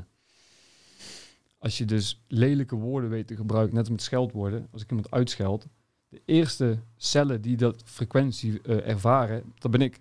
Ik heb altijd mezelf het meeste ermee. Wie ook Mm. uitscheldt, je hebt altijd jezelf het meeste ermee. Wauw. Dat is ook een stukje van Ruben vorige keer, hè? Dus, eh, Wauw. Ja, als ja. je een probleem hebt, altijd eerst, maar wat doe ik dan? Wat, wat is hier wat ik kan doen? Ja. Zo ben ik heel veel dingen gaan Dus om, benaderen. en, eh, jouw, jouw eerste cellen worden door jouw eigen toedoen eerst aangepakt. En dan gedachte- ge- geef je het door aan een ander. de gedachte beïnvloedt al jouw cellen. Want als je denkt, Ja. ik ben boos, dan kan er een vuist aan gaan spannen. Of Ja. je kan al, ik ga dit en dat doen. Je lichaam Klopt. staat al aan. Dus eigenlijk voor die hogere machten is het interessant om mensen vooral in de complotten te houden. Bepaalde complotten dan. Juist, altijd Die- bezighouden. Ik heb een keer een aflevering gemaakt, de Illuminati-code niet te kraken. Juist om eh, te laten zien van er zijn zoveel eh, invalshoeken en wegen die naar eh, Rome leiden, Ja, weet je. ja, ja. dat je er nooit echt uitkomt op een manier hoe wij zouden denken dat het moet gebeuren. Dus via een bepaalde rechtsgangssysteem, dat is mijn mening daarover. Of eh, dat we ineens eh, eh, mensen gaan massaal oppakken. En vooral als we het van tevoren melden welke datum. Iedereen weet het, behalve die persoon. Dat is ook raar, weet je wel. Ik denk dat operatie High Jump met uh, Emerald Bird, Oh, dat is wel een van mijn favorieten Ja? om daar nou eens te weten hoe, wie, wat daar allemaal is gebeurd. Hoe, hoe Zo, zie je eh, dat eh, trouwens met, eh, met, die met die reptiliaanse en eh, andere type wezens eh, die invloed op ons hebben? Laat ik het zo stellen. Hè. Als hij erin gelooft. eh. Geloof jij dat we in een gevangen matrix leven of in een ehm, eh, vrije matrix? Hoe bedoel je vrij? Want- Vrij eh, dat het niet bezet is, zeg maar. Dus dat, eh, dat, het, ehm, dat er buiten deze dimensie geen eh, tralies zijn. Of hoe dus geloof je het zelf? Ik kan er een, vanuit mijn oogpunt het verhaal achter proberen uit te leggen. Mhm. Heel veel handgebaren waarschijnlijk weer, maar daar gaan we. En op- Als je dat water met rust laat, anders krijgt hij slecht geheugen. Eh, je hebt ergens een zon. Je moet niet water slaan. hè? Ergens in de ruimte zit een zon. Daar zijn we Mhm. allemaal wel over eens. Ja. je nou om een aardbal heen gaat of om een disk heen. Of die draait, nou plat is of rond. Dingen zegt. Laten we niet die discussie aangaan. Oké. Die zon is een hele sterke magneet. Dat magneet heeft een veld. Mhm. Als je te dichtbij bij dat veld zit, dat is net als in die piramide, bovenste punt is positief voor het water, omdat de onderkant negatief is, omdat de energie dus verschoven wordt door de geometrie van de piramide. Wij, de aarde, zit in de zogenaamde, eh, wat is het Nederland, Goldilocks, hoe heet die eh, prinses? Goud, eh Zou best kunnen hoor. Ik ik ben veel. niet zo... Goldilocks zone, Ja, ja. Ja. waar het leven kan plaatsvinden op de aarde. Maar op het moment dat je dus dat veld vanuit de zon hier leven laat creëren, heeft de aarde ook weer een veld wat op ons invloed heeft. En wij hebben weer een veld wat invloed heeft op, ons ka- op, ons ka- op elkaar en je directe milieu. Mhm. Al die velden over tijd ehm, zorgt voor een hogere condensatiegraad. Dus ik ben ook in plaats van gas, vloeistof en vaste materie, zie ik, en plasma, zie ik het eigenlijk meer in verschillende condensatiegraden. Alle CO2 die wij uitademen, die condenseert daar buiten in één keer als plant. Ja. Gewoon poef, onder zonlicht invloed. Ja. Die gevangenis zie ik vooral als eh, de zon is het, de oorsprong waardoor wij hier zijn.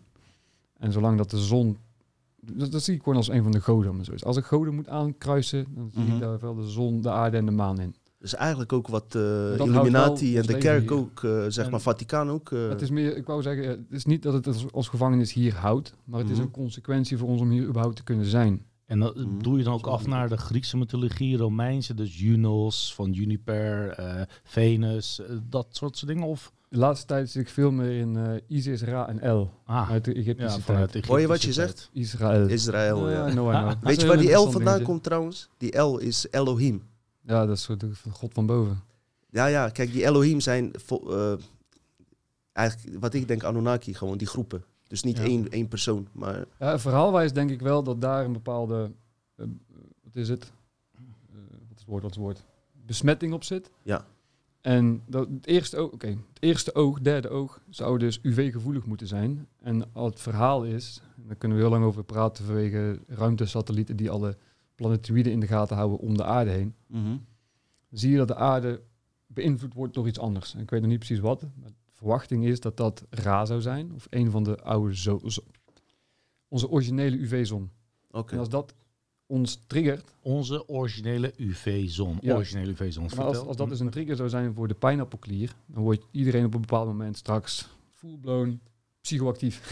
Ja, i- eh, a- ayahuasca massaal. Juist. En als je Dat zou echt een goede oplossing zijn dan krijg je trouwens. dus massapsychose. En daar Ja. zie ik ergens wel een hele logische benadering Ja. in. En dan zouden er drie zonnen zijn ehm, tot oorsprong Dus jij denkt dat wij voor het goede bewust nog onbewust worden gehouden? Als ik in mag redeneren een beetje.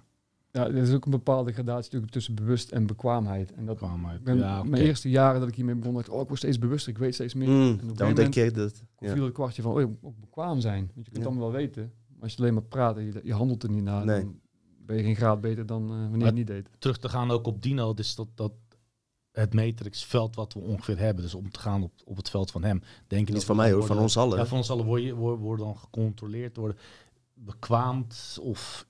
Nou, ik Ja. zie het dus meer als het veld origineel vanuit Mm. de zon. En dan kun je ook de sterren mee gaan regelen als je richting astrologie gaat.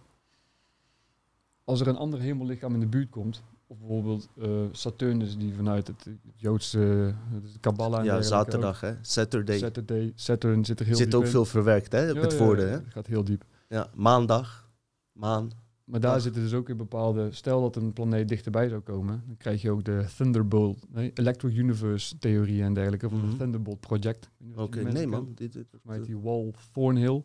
klinkt wel interessant. Zeker heel interessant. En dat, en dan gaan we natuurlijk heel veel dingen aan elkaar koppelen. Maar, Nee, hoe- nee, maar ga terug. Ga maar, hoor, ga maar, door. De Grand Canyon zou ook niet zozeer door erosie van water zijn ge- ontstaan, maar bliksem, stroom. Oh ja, Dus zo heb je ook heel veel fossielen op bepaalde, in een bepaalde tijd die in één keer, eh, krapachtige volgens mij vooral, zijn in één keer tot glas gefossileerd. Mm. Dat zou dus misschien een zonnevlek of Oh ja. een eh, solar flare kunnen zijn. Solar flare, ja. Als je heel veel stroom op, wat is het, calcium zet, dan kan het glas worden. Nee, silica natuurlijk, dat glas worden. Ik goed? Ja.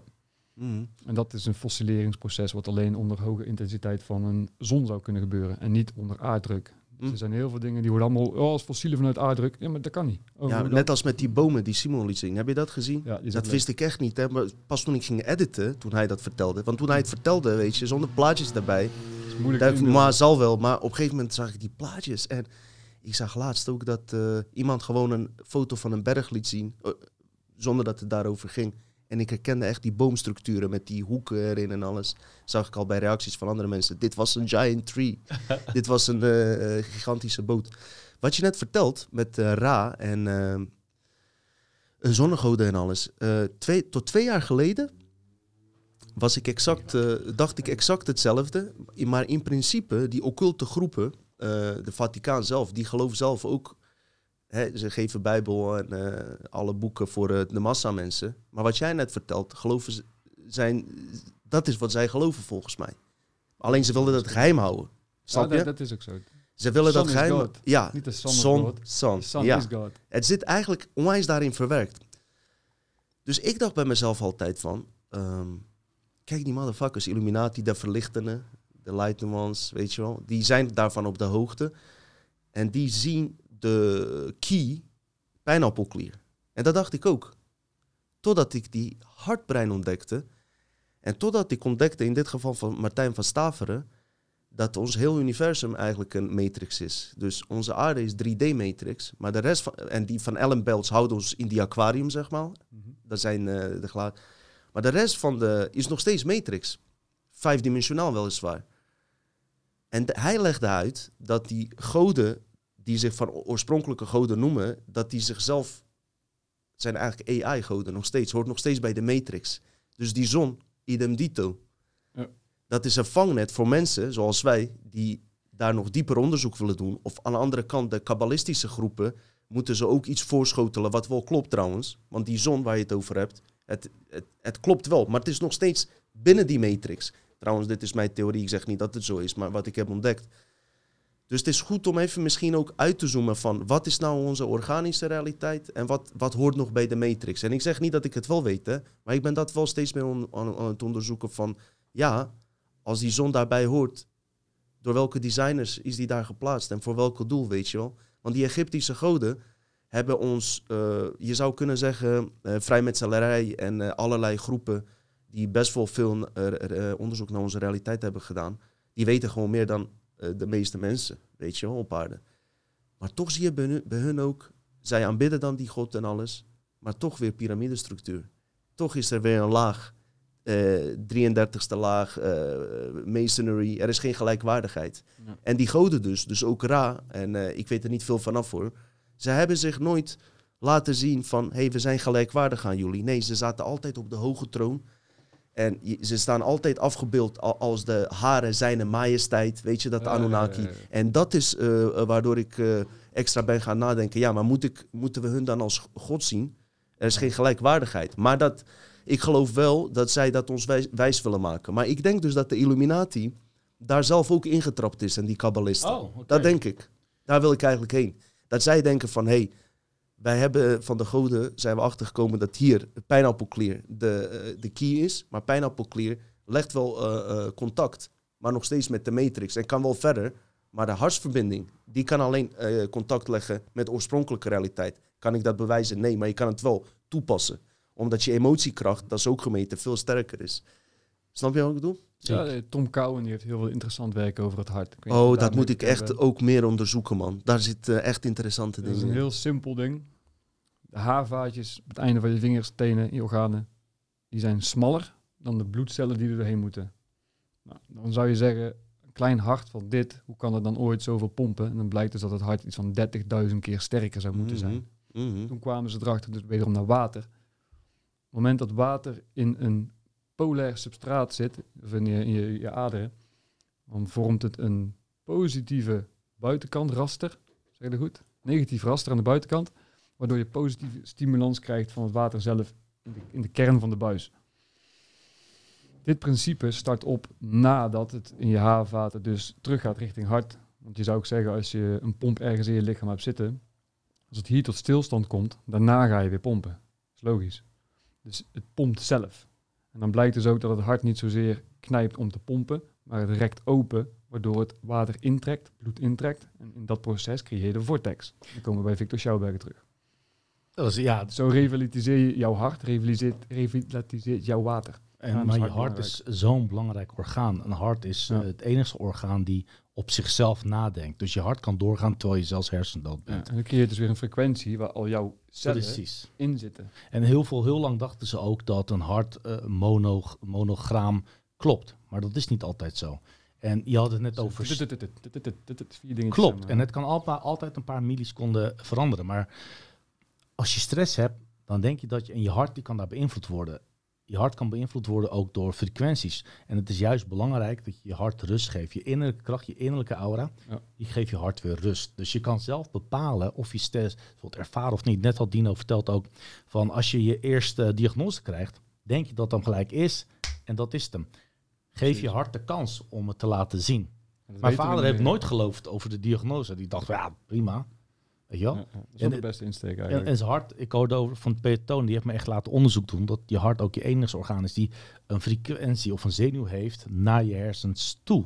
Dus dat hij jezelf ook kan bepalen. En daar, dat vind ik ook wel, ik weet niet of je daar wat iets van weet. Er is up-and-down communicatie, dat Dus- zeker. Ook vanuit je buik wordt een, wordt, wat was het nou, 1 om 9 dacht ik.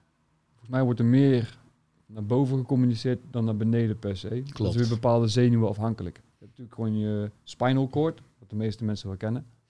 Je ruggengraat. Ja, dan heb je ook je vagusnerf, de zwervende zenuw. Klopt. En die gaat min of meer langs Die de zit allemaal vastgesloten. Die Klopt. gaat langs de buitenkant. En je hebt ook je frenische en je splenkische zenuw Die ken ik nog niet. Verder ken ik er niet zoveel, maar frenische zenuw is bijvoorbeeld heel belangrijk. En dan komt Dino op het exacte moment terug om te horen. Oligofreen is een heel netjes woord om iemand een mogol te noemen. Stom, dom.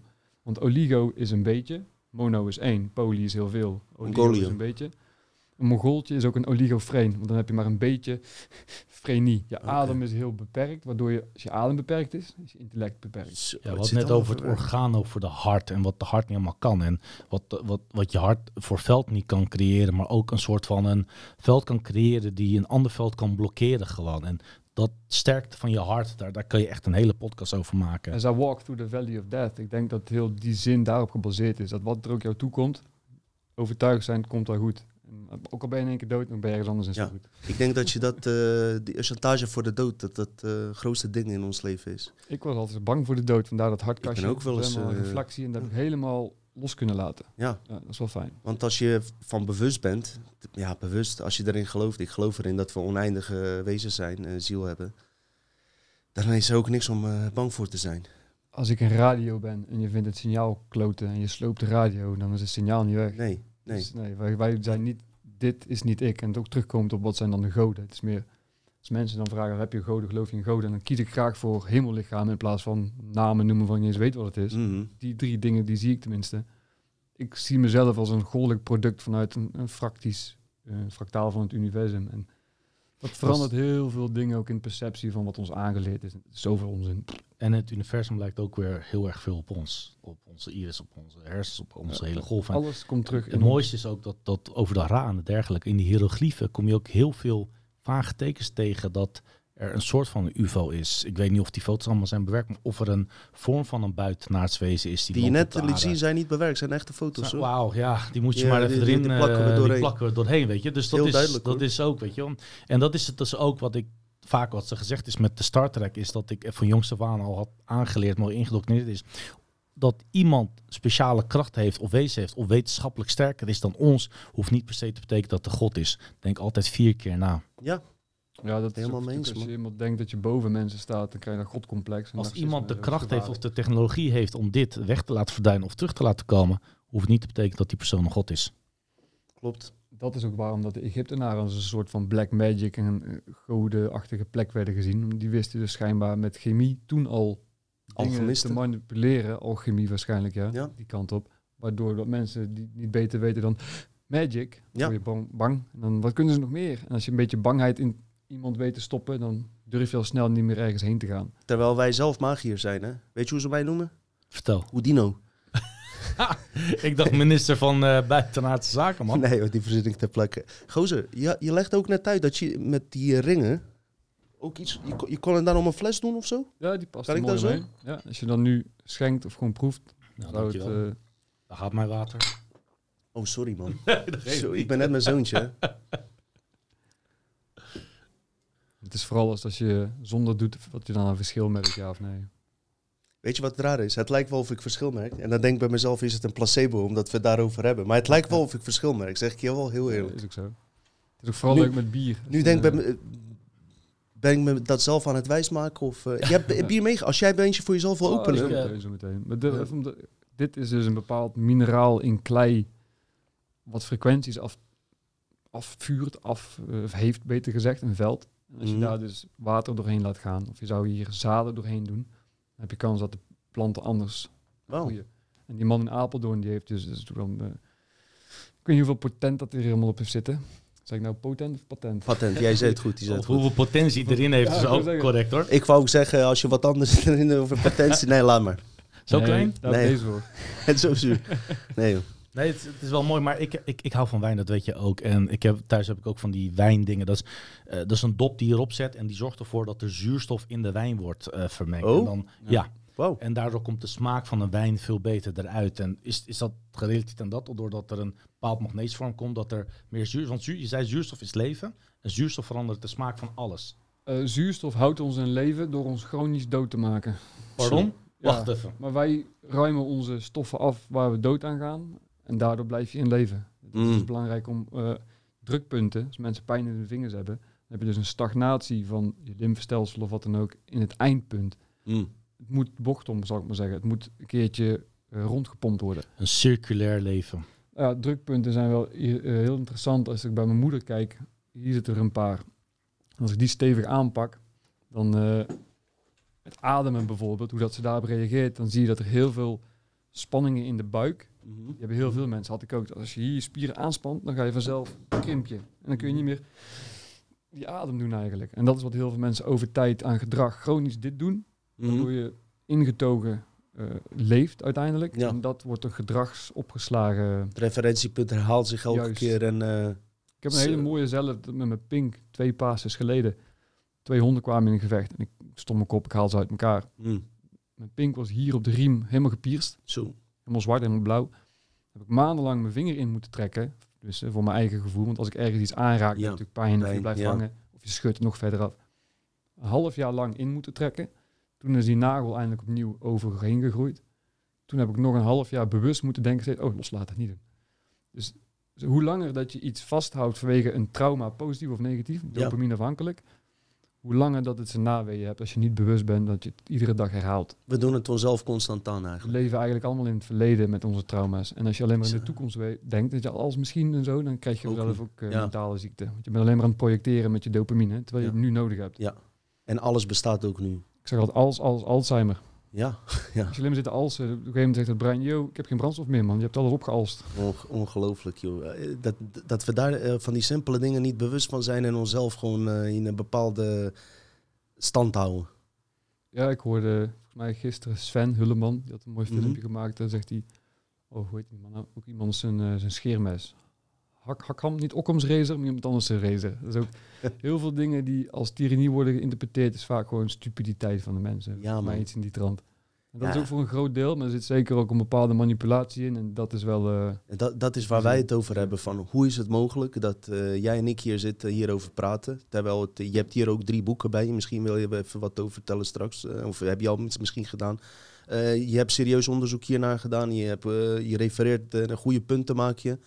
Waarom hebben wij het daarover? En eh, waarom is dit eh, niet eh, in andere shows op tv geweest? En dan ga je onderzoek doen van ja, hallo. eh, dit is, lijkt me wel best wel een belangrijk onderwerp. Vooral als je ziet dat de mensen door beter van worden. Toch? je ziet natuurlijk ook met heel de pandemie, het is allemaal respiratoire problemen. Mhm. Alles Mhm. heeft met die ademhaling te maken. En we kunnen hem heel ver doortrekken. En dan mogen mensen zelf gaan vinden wat ze willen. Maar Ja. ik heb ook heel veel syntheses met de magnetron gedaan. Ik heb moeten leren hoe de theoretische achtergrond over straling. La. Het zit in mijn, in mijn kennis, Mhm. zal ik maar zeggen.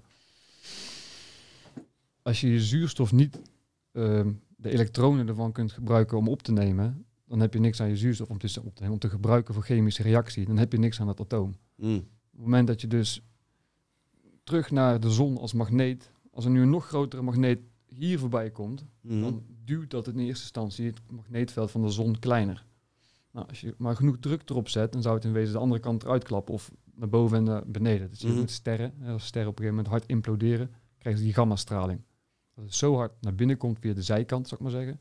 De energie moet ergens heen. Mhm. Dan krijg je weer de, voor mijn gevoel, eh, van eindfase vaste materie terug naar energetische fase, terug de kosmos in. En dan kan het weer ergens gaan manifesteren. En dan krijg je het hele astrologische verhaal met zielen. Dan, Ja, ja.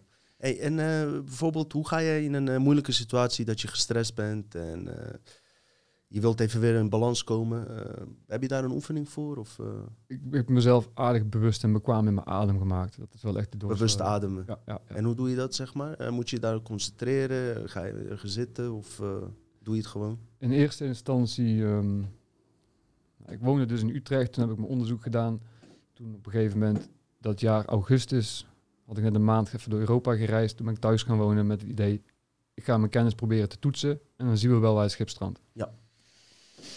De eerste maand was mijn moeder al iets van 10 kilo afgevallen, terwijl Oh, ze oké. stoel, rolstoel afhankelijk is. Ze kan niet staan, sporten, wat dan ook. Mm. En sporten, afvallen, dat is dus onzin. Het is je dieet.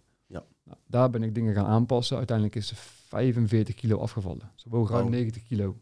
Sinds dat ze in de rolstoel is gaan zitten, is ze alleen maar gewoon dikker geworden. Die vitaliteit geeft haar alweer een, hoe zeg je dat, een betere kwaliteit van leven. En uiteindelijk, ja, ik was eerst met voeding bezig en het, het fysische. En op een gegeven moment zag ik dat de adem bij haar iedere keer hoog was. En wat bleek nou, als ze spasma had, de MS trad op. Ze nam een paar heesjes van een joint met tabak of ze nam een heesje van een sigaret, nicotine. Dan werd die, wordt die amygdala getriggerd. Ja. Jouw amygdala is jouw centrum die zegt, is er iets? Als er niks is, dan pas kan jouw lichaam ontspannen. Mhm. Dus als je je amygdala de baas weet te zijn, of gewoon tegen jezelf zegt, er is niks, of val ik nu dood neer, Ja. dan ben je relaxed. Want dat is iets wat je zelf kunt aanleren. En bij mij was het op een gegeven moment dus ook, voordat ik dat hele, ik kan mezelf rustig houden, eh, had ervaren. Daarvoor had ik een hartkastje om en alleen maar Ja. honderdduizend hartaanvallen. Wat een dag. goede draai heb jij gemaakt. Echt oprecht, serieus. Ja. Zonder ervaring kun je het niet Maar ja, uitpraten. Soms eh, moeten er eh, slechte dingen gebeuren blijkbaar en eh, komt het zo op je pad. Als je kijkt nu eh, eh, eh, naar de tijd waar we nu in zitten, heb ik al een paar keer eerder gezegd. Uiteindelijk draait het gewoon bang, bang zijn om dood te gaan. Laten Ja. we wat je net ook vertelt. Hè? In deze periode waar we in zitten. Nou, dat dat. eh, sowieso begrijp ik niet dat heel oude mensen daar zo bang voor zijn. Man, Eh, kom op, je hebt een heel leven geleid. Je zit daar eh, misschien te rotten in die bejaardencentrum. Waarom doe je zo paranoia? Maar wat nog erger dus is, ja, oude mensen die geloven misschien nog steeds in, meer in het nieuws. En dat begrijp ik allemaal wel. Vind ik zielig ook, want ze zijn sommige, soms ook niet helemaal stabiel. En misschien komt het ook dichterbij. Hè? Opdat voor hun is het ook veel dichterbij. Begrijp ik. Dus ik wil ze niet, hè, maar dan zie je jonge eh, personen, weet je wel. Eh, ik heb hier in de buurt eh, psychologen wonen. Sommigen geloven er wel niet. Anderen willen me geen hand geven. Terwijl ik hier net kom wonen en kom voorstellen. Dat is dan een psycholoog. Snap je? Of jonge mensen, gewoon stoere kerels, die zo bang zijn voor dit, weet je. Ja. En zo kan je zien dat je met die angst dus het volk goed onder controle kan hebben. En dat komt omdat ze hun eigen leven niet onderzoeken, daar geen tijd voor hebben. Ja. Dus die ja, angst voor de dood. Ik vind dat een eh goede van deze aflevering. Dat we dat eens even moeten onderzoeken. Ook wat er na de dood gebeurt. En, En hoe sterk we zijn, dat we altijd bestaan. Dan kan je misschien ook makkelijker door het leven heen. Nou, echt had het net al over een paar stofjes. En één hele belangrijke in ons menselijk bestaan is op het moment voor veel GABA. GABA zit ook, dus eh, GABA is dan een bepaald receptorverhaal. Mhm. Andere stofjes kunnen die receptor ook activeren. Alcohol doet dat. GHB doet dat ook. Maar moeder haar medicijn is een derivaat, een afgeleide van GHB. Mm. Dat heeft ze op een gegeven moment een pomp in de buik gekregen die haar forceert om te ontspannen. Maar Mhm. nooit heeft ze zelf leren ontspannen. Dus die chemische overhand is haar verslaving geworden. Ja. En op een gegeven moment denkt ze, ik heb het nodig, want ik, dan ontspant het mij. Terwijl als ze gewoon loslaat, Mm. maar dan moet je leren. GABA is een nadeel. Als je tekort hebt, dan word je echt heel erg angstig bijvoorbeeld. Nou, daarvoor gebruiken diazepam. En daarom zo'n moeder dus een angststoornis als basis voor iedere Ja, chronische en, ziekte. ja. Iedere ziekte is angst. Want, Want als we, jij we kunnen wel zeggen, we leven in meters. En aan de ene kant kan ik het wel geloven of niet geloven. Maar toch komen die specifieke medicijnen en die hormonen tekort in het fysieke lichaam wat we hebben. En dat doet Ja. wat ons met ons geestelijk brein. Ja, en kijk, als jouw angst aanstaat, Ja. dan zijn er een paar dingen die essentieel zijn.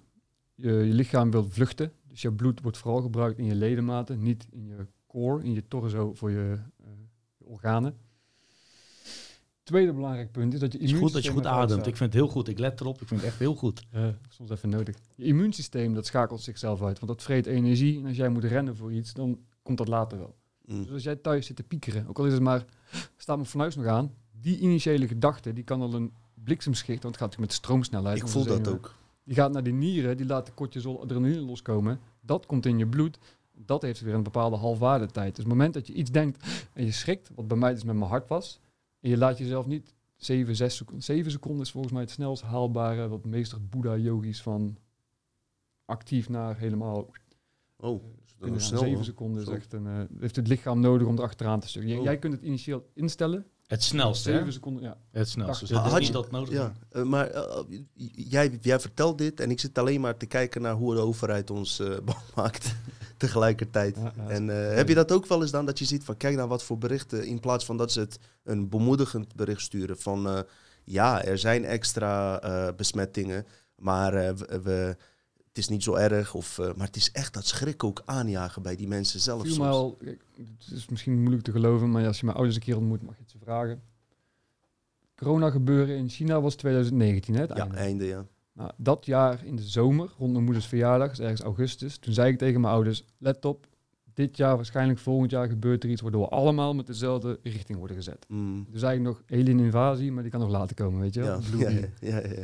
Op het moment dat eh, die hele reutemeteut begon, ik was al kijker. overtuigd van, dit is weer een eng- angstproject. ja. Dus ik heb mijn moeder op een gegeven moment wel de, de juiste Pas op kant met je in- handgebaren hoor. Ja, Eh, Het is, eh, zeg maar, ik weet even niet waar. je moeder Je, Ja, het, je, je zei al dat je aankomen. initieel.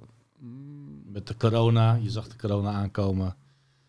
Dat, dat we één richting op worden De angstprojectie viel mij op toen de eerste keer met de, van doden gingen naar besmettingen. Mhm. En dat ging niets anders dan, het dooien was niet genoeg en dit getal is groter. We pakken het grotere getal, dan schrikken mensen. Mhm. Als je dan gaat nadenken, wat is een besmetting? Als, oké, als ik nu mijn neus peuter en ik raak jouw knie aan, is, jouw knie besmet. Kap hè? Maar je bent niet ziek, je bent niet gelijk geïnfecteerd, je bent niet gelijk dood. Nee. Je bent wel besmet. En dan komen we terug bij die PCR. Dus één groot fiasco Ja. hoe dat opgesteld is. Omdat je met de PCR één cycli meer of minder kun je bepalen of positief signaal of niet. Ja. Nou, dan kun je mee spelen. En waar ze ook mee spelen vooral is, omdat het eh, gewoon een feit is dat eh, mensen zoals wij eigenlijk eh, geen, gewoon niet, helemaal niet voor hoeven te vrezen. Dan spelen ze dat schuldgevoelsscenario in van Eh, ja, maar we moeten het samen doen. Vandaar dat woord, we moeten het samen doen. Met andere woorden van als jij zegt van ja, maar ik loop geen risico op, waarom moet ik een prik nemen met alle gevolgen van dien en alle gevaren van dien, zonder dat het onderzocht is? Ja, maar je moet ook aan anderen denken. ja, En ja. eh, dat- dat- dat schuldgevoel vooral, dat, dat, dat, daar zijn ze volle bak mee bezig. hey jongens, wat mij betreft zit ik er glo- globaal doorheen. Hebben jullie nog dingen? Wil jij nog iets toevoegen? Wil jij nog iets eh, vertellen? Wil je iets kwijt? Of misschien waar je... Werk je momenteel of zit je in de uitkering? ik heb geen uitkering. Uit de ring. In je Ik, ik, ga die vorige, ik ga die nu elke keer doen. Ik zei het al vorige keer tegen Ruben. Ik weet niet waarom, dat staat nergens op. Nee, maar wat ik eigenlijk wilde zeggen. Ga je hier een beetje mee bezighouden? Kunnen mensen contact met je opnemen? Ga je er iets mee doen, man? Ik heb hier heel veel mee geprobeerd aan de contacten die je normaal zou zoeken. Hè, neurologen of bepaalde watersinstanties. In Utrecht heb je KWR volgens mij, Koninklijk Water, nog wat. Heb ik een paar e-mails mee en dan in één keer hoor je niks meer. Mm. Dus het is vaak voor mensen te ver van mijn bedshow. Dus het is heel erg de juiste mensen vinden. En dat ben ik de laatste jaren echt. Wie weet dat deze podcast helpt, man. Eh, Ja. Is er een Oh, ik ga wel e-mailadres? lekker op zich. Ik, ben- ik vermaak me goed. We hebben thuis grote tuin. Ik ben enigskind. We hebben een flink huis met allerlei dingen wat gedaan moeten super, worden. man. Maar waar ik ook veel respect voor je had, was dat hoe warmvol en hoe liefdevol je bent. Er zijn niet veel kinderen die dat doen voor hun ouders. Zo, ja. Omdat je zoveel in verdiept en zoveel in die biologie gaat voor je ouders. En ook in het water. En weet je, dat vind ik heel knap. En dat vind ik een goede eigenschap van je. Dat mag ook gezegd Ja, worden. maar je, je, je komt ook eh, begaafd over, zeg maar. Niet dat dat veel boeit, maar je weet waar je het over hebt. Je komt met termen. Ik ken ze lang niet allemaal, maar eh, ik weet ook wel dat je niet uit je nek staat te lullen. Ik weet wel wat. Dus eh, ik vond eh, wel- wel goed wat je zei. Maar Ja. Als ik iets niet ervaren heb of in ieder geval niet weet waar ik over praat, dan hou ik vaak liever... Dat is iets wat ik me heel erg heb eigen gemaakt. ja, Mond houden en dan leer je vanzelf. mag ik even een laatste vraag? Eh, DMT-ervaring, zou je daar wat over kunnen vertellen? Jazeker. Ik ben dus organisch polymeerchemie vanuit mijn studie uit. Mhm. En dat betekent eigenlijk drugs- en plastickunde. En dit is de heilige bijbel over organische chemie. DMT is een heel interessant molecuul. En toen ik dus... Ik was altijd anti alles behalve bier. want Dat was bij ons op het dorp normaal. Dat heb ik van mijn vader uitgeleerd. Cannabis is het gevaarlijkste wat er is. Uh-huh.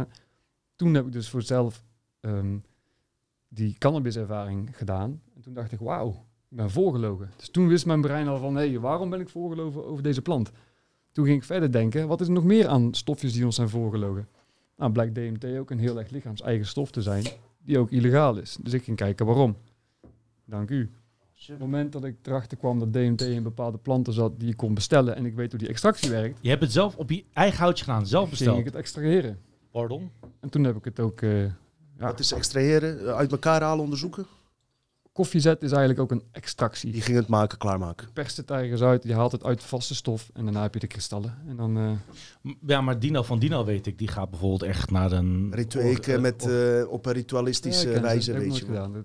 Ik trek niet zoveel eh al het...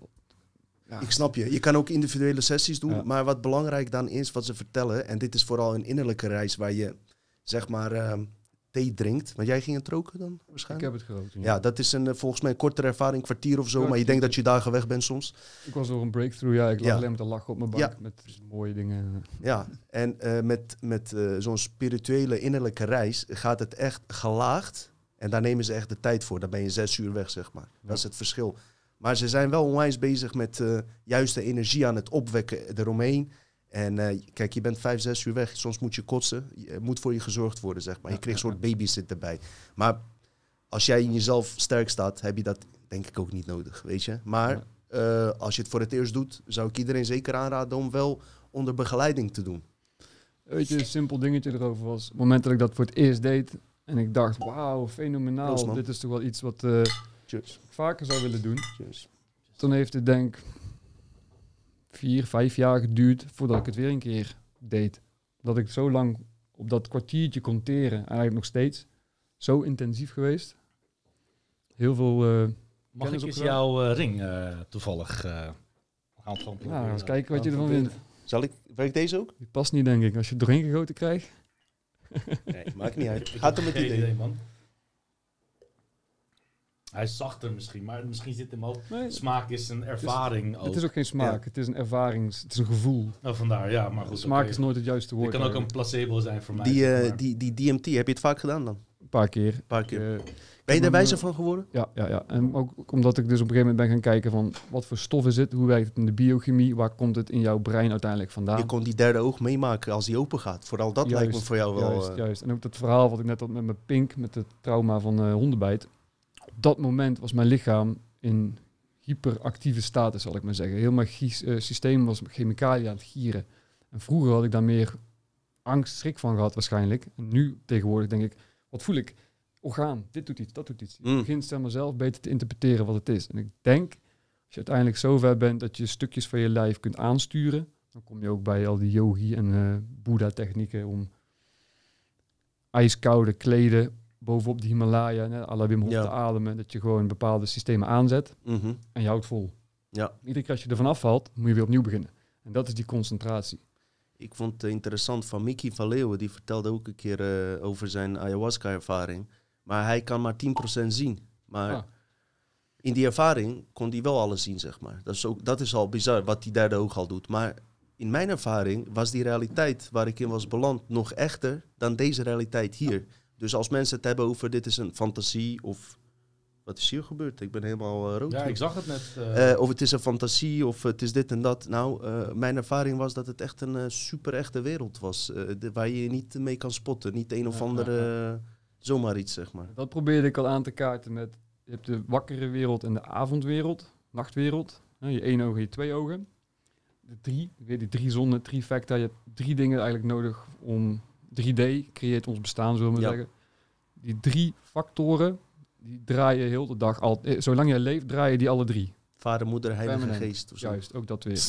Ja. het komt allemaal in drie. Weet. Eh, drie is een interessant Driehoek. getal. Maar het is ook een, en daarom zeg ik, deze matrix is een geometrisch eh piramidestructuur systeem. Want al die geometrieën bestaan al uit maar uit kleine driehoekjes. Burgemeester, justitie en Maar, maar, politie. maar dus ook op metafysisch level, als je die kristallen gaat bestuderen, dan kan je dat ook uit herkennen volgens mij. Dat, niet alle, maar dat, dat die eh, structuren toch allemaal uit driehoeken bestaan. Elke keer.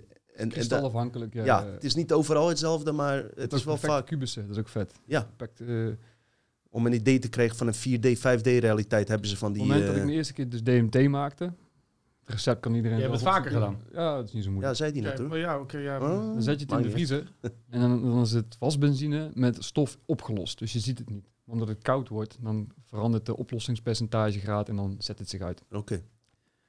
Nogmaals, die kristallen, die, je hebt ook kristallen die kunnen in de lengte groeien. Die kennen we allemaal wel. Toen zag ik voor het eerst dus zo'n DMT, een naaldje zo, en een naaldje zo, en een naaldje zo, en een naaldje zo. En alle kanten op, alsof het een soort zeeegel was. Een, echt een stekelvarken. Hm. Toen viel bij mij een heel groot kwartje van, ah, antennewijs, pijnappelklier. Als je dan ook de pijnappel, hè, al die, het is een klein zijn allemaal van die lopjes. Ja. Daartussen kan weer iets ontstaan. En als je dan een bepaalde kristalstructuren maakt, heb je ontvangst. Ja. Dat was wel van eh, een grote wake-up call voor mij. Ja, en als je het zelf ook hebt meegemaakt, dan kan je er ook echt over praten, weet je wel. En eh, ik denk dat iedereen, eh, ga het vooral niet doen als je je niet geroepen voelt. Want eh, ik heb er drie jaar zelf over gedaan om het uiteindelijk de stap te nemen. Want het is best wel eng aan de ene kant. Ja, ja, ja. Maar ik had zo'n roeping om het te doen, dat ik het heb gedaan. Dus voor mensen die eraan twijfelen, doe het dan gewoon niet, weet je. Ehm, maar wat ik er wel mee willen zeggen, ik heb geen ervaring met buitenaardse wezens. Ik heb nooit echt paranormale... Ik ben niet paranormaal, zeg maar, weet je. Maar dit, hier kan ik eindelijk eh, voor mijn eigen levensonderzoek, voor anderen hoeft dat niks te betekenen, is wel zeggen van hé, er bestaat op zeker zo'n andere realiteit Ja, eh, buiten deze om, man. Buiten deze om. Jongens, zullen we hiermee afsluiten? En, eh, of hebben jullie nog Ik vind iets? het prachtig. Nee, Ik ga hem een keer thuis uitnodigen voor eh, de magneetjes bij mij te plakken. Komt ja, goed voor ligt eraan waar, hè? Ligt eraan waar. Hey, jongens, proost. Hey, proost. Luister, super tof dat je er was, man. En eh, wie weet in de toekomst, als je leuke dingen, onderwerpen hebt, dat we er gewoon wat dieper op ingaan, kunnen we zeker even kijken. Jullie bedankt voor het kijken. Ik hoop weer dat we een andere type aflevering hebben gebracht, waar ik minder aan het woord ben, want ik kan me ook voorstellen dat je andere mensen wil horen. En ik heb ook weer wat geleerd van deze jongen hier. Erzan is weer terug. Volgende keer zullen we met Simon wel iets, eh, een leuke aflevering maken. Ik ga eerst uitzoeken waar dit allemaal vandaan komt. Dit rode zooi op mijn handen. Super, hartstikke leuk en bedankt voor het kijken. En eh, gasten ook bedankt dat jullie er waren, Top, jongens, nogmaals. Thanks. Doei! Bedankt.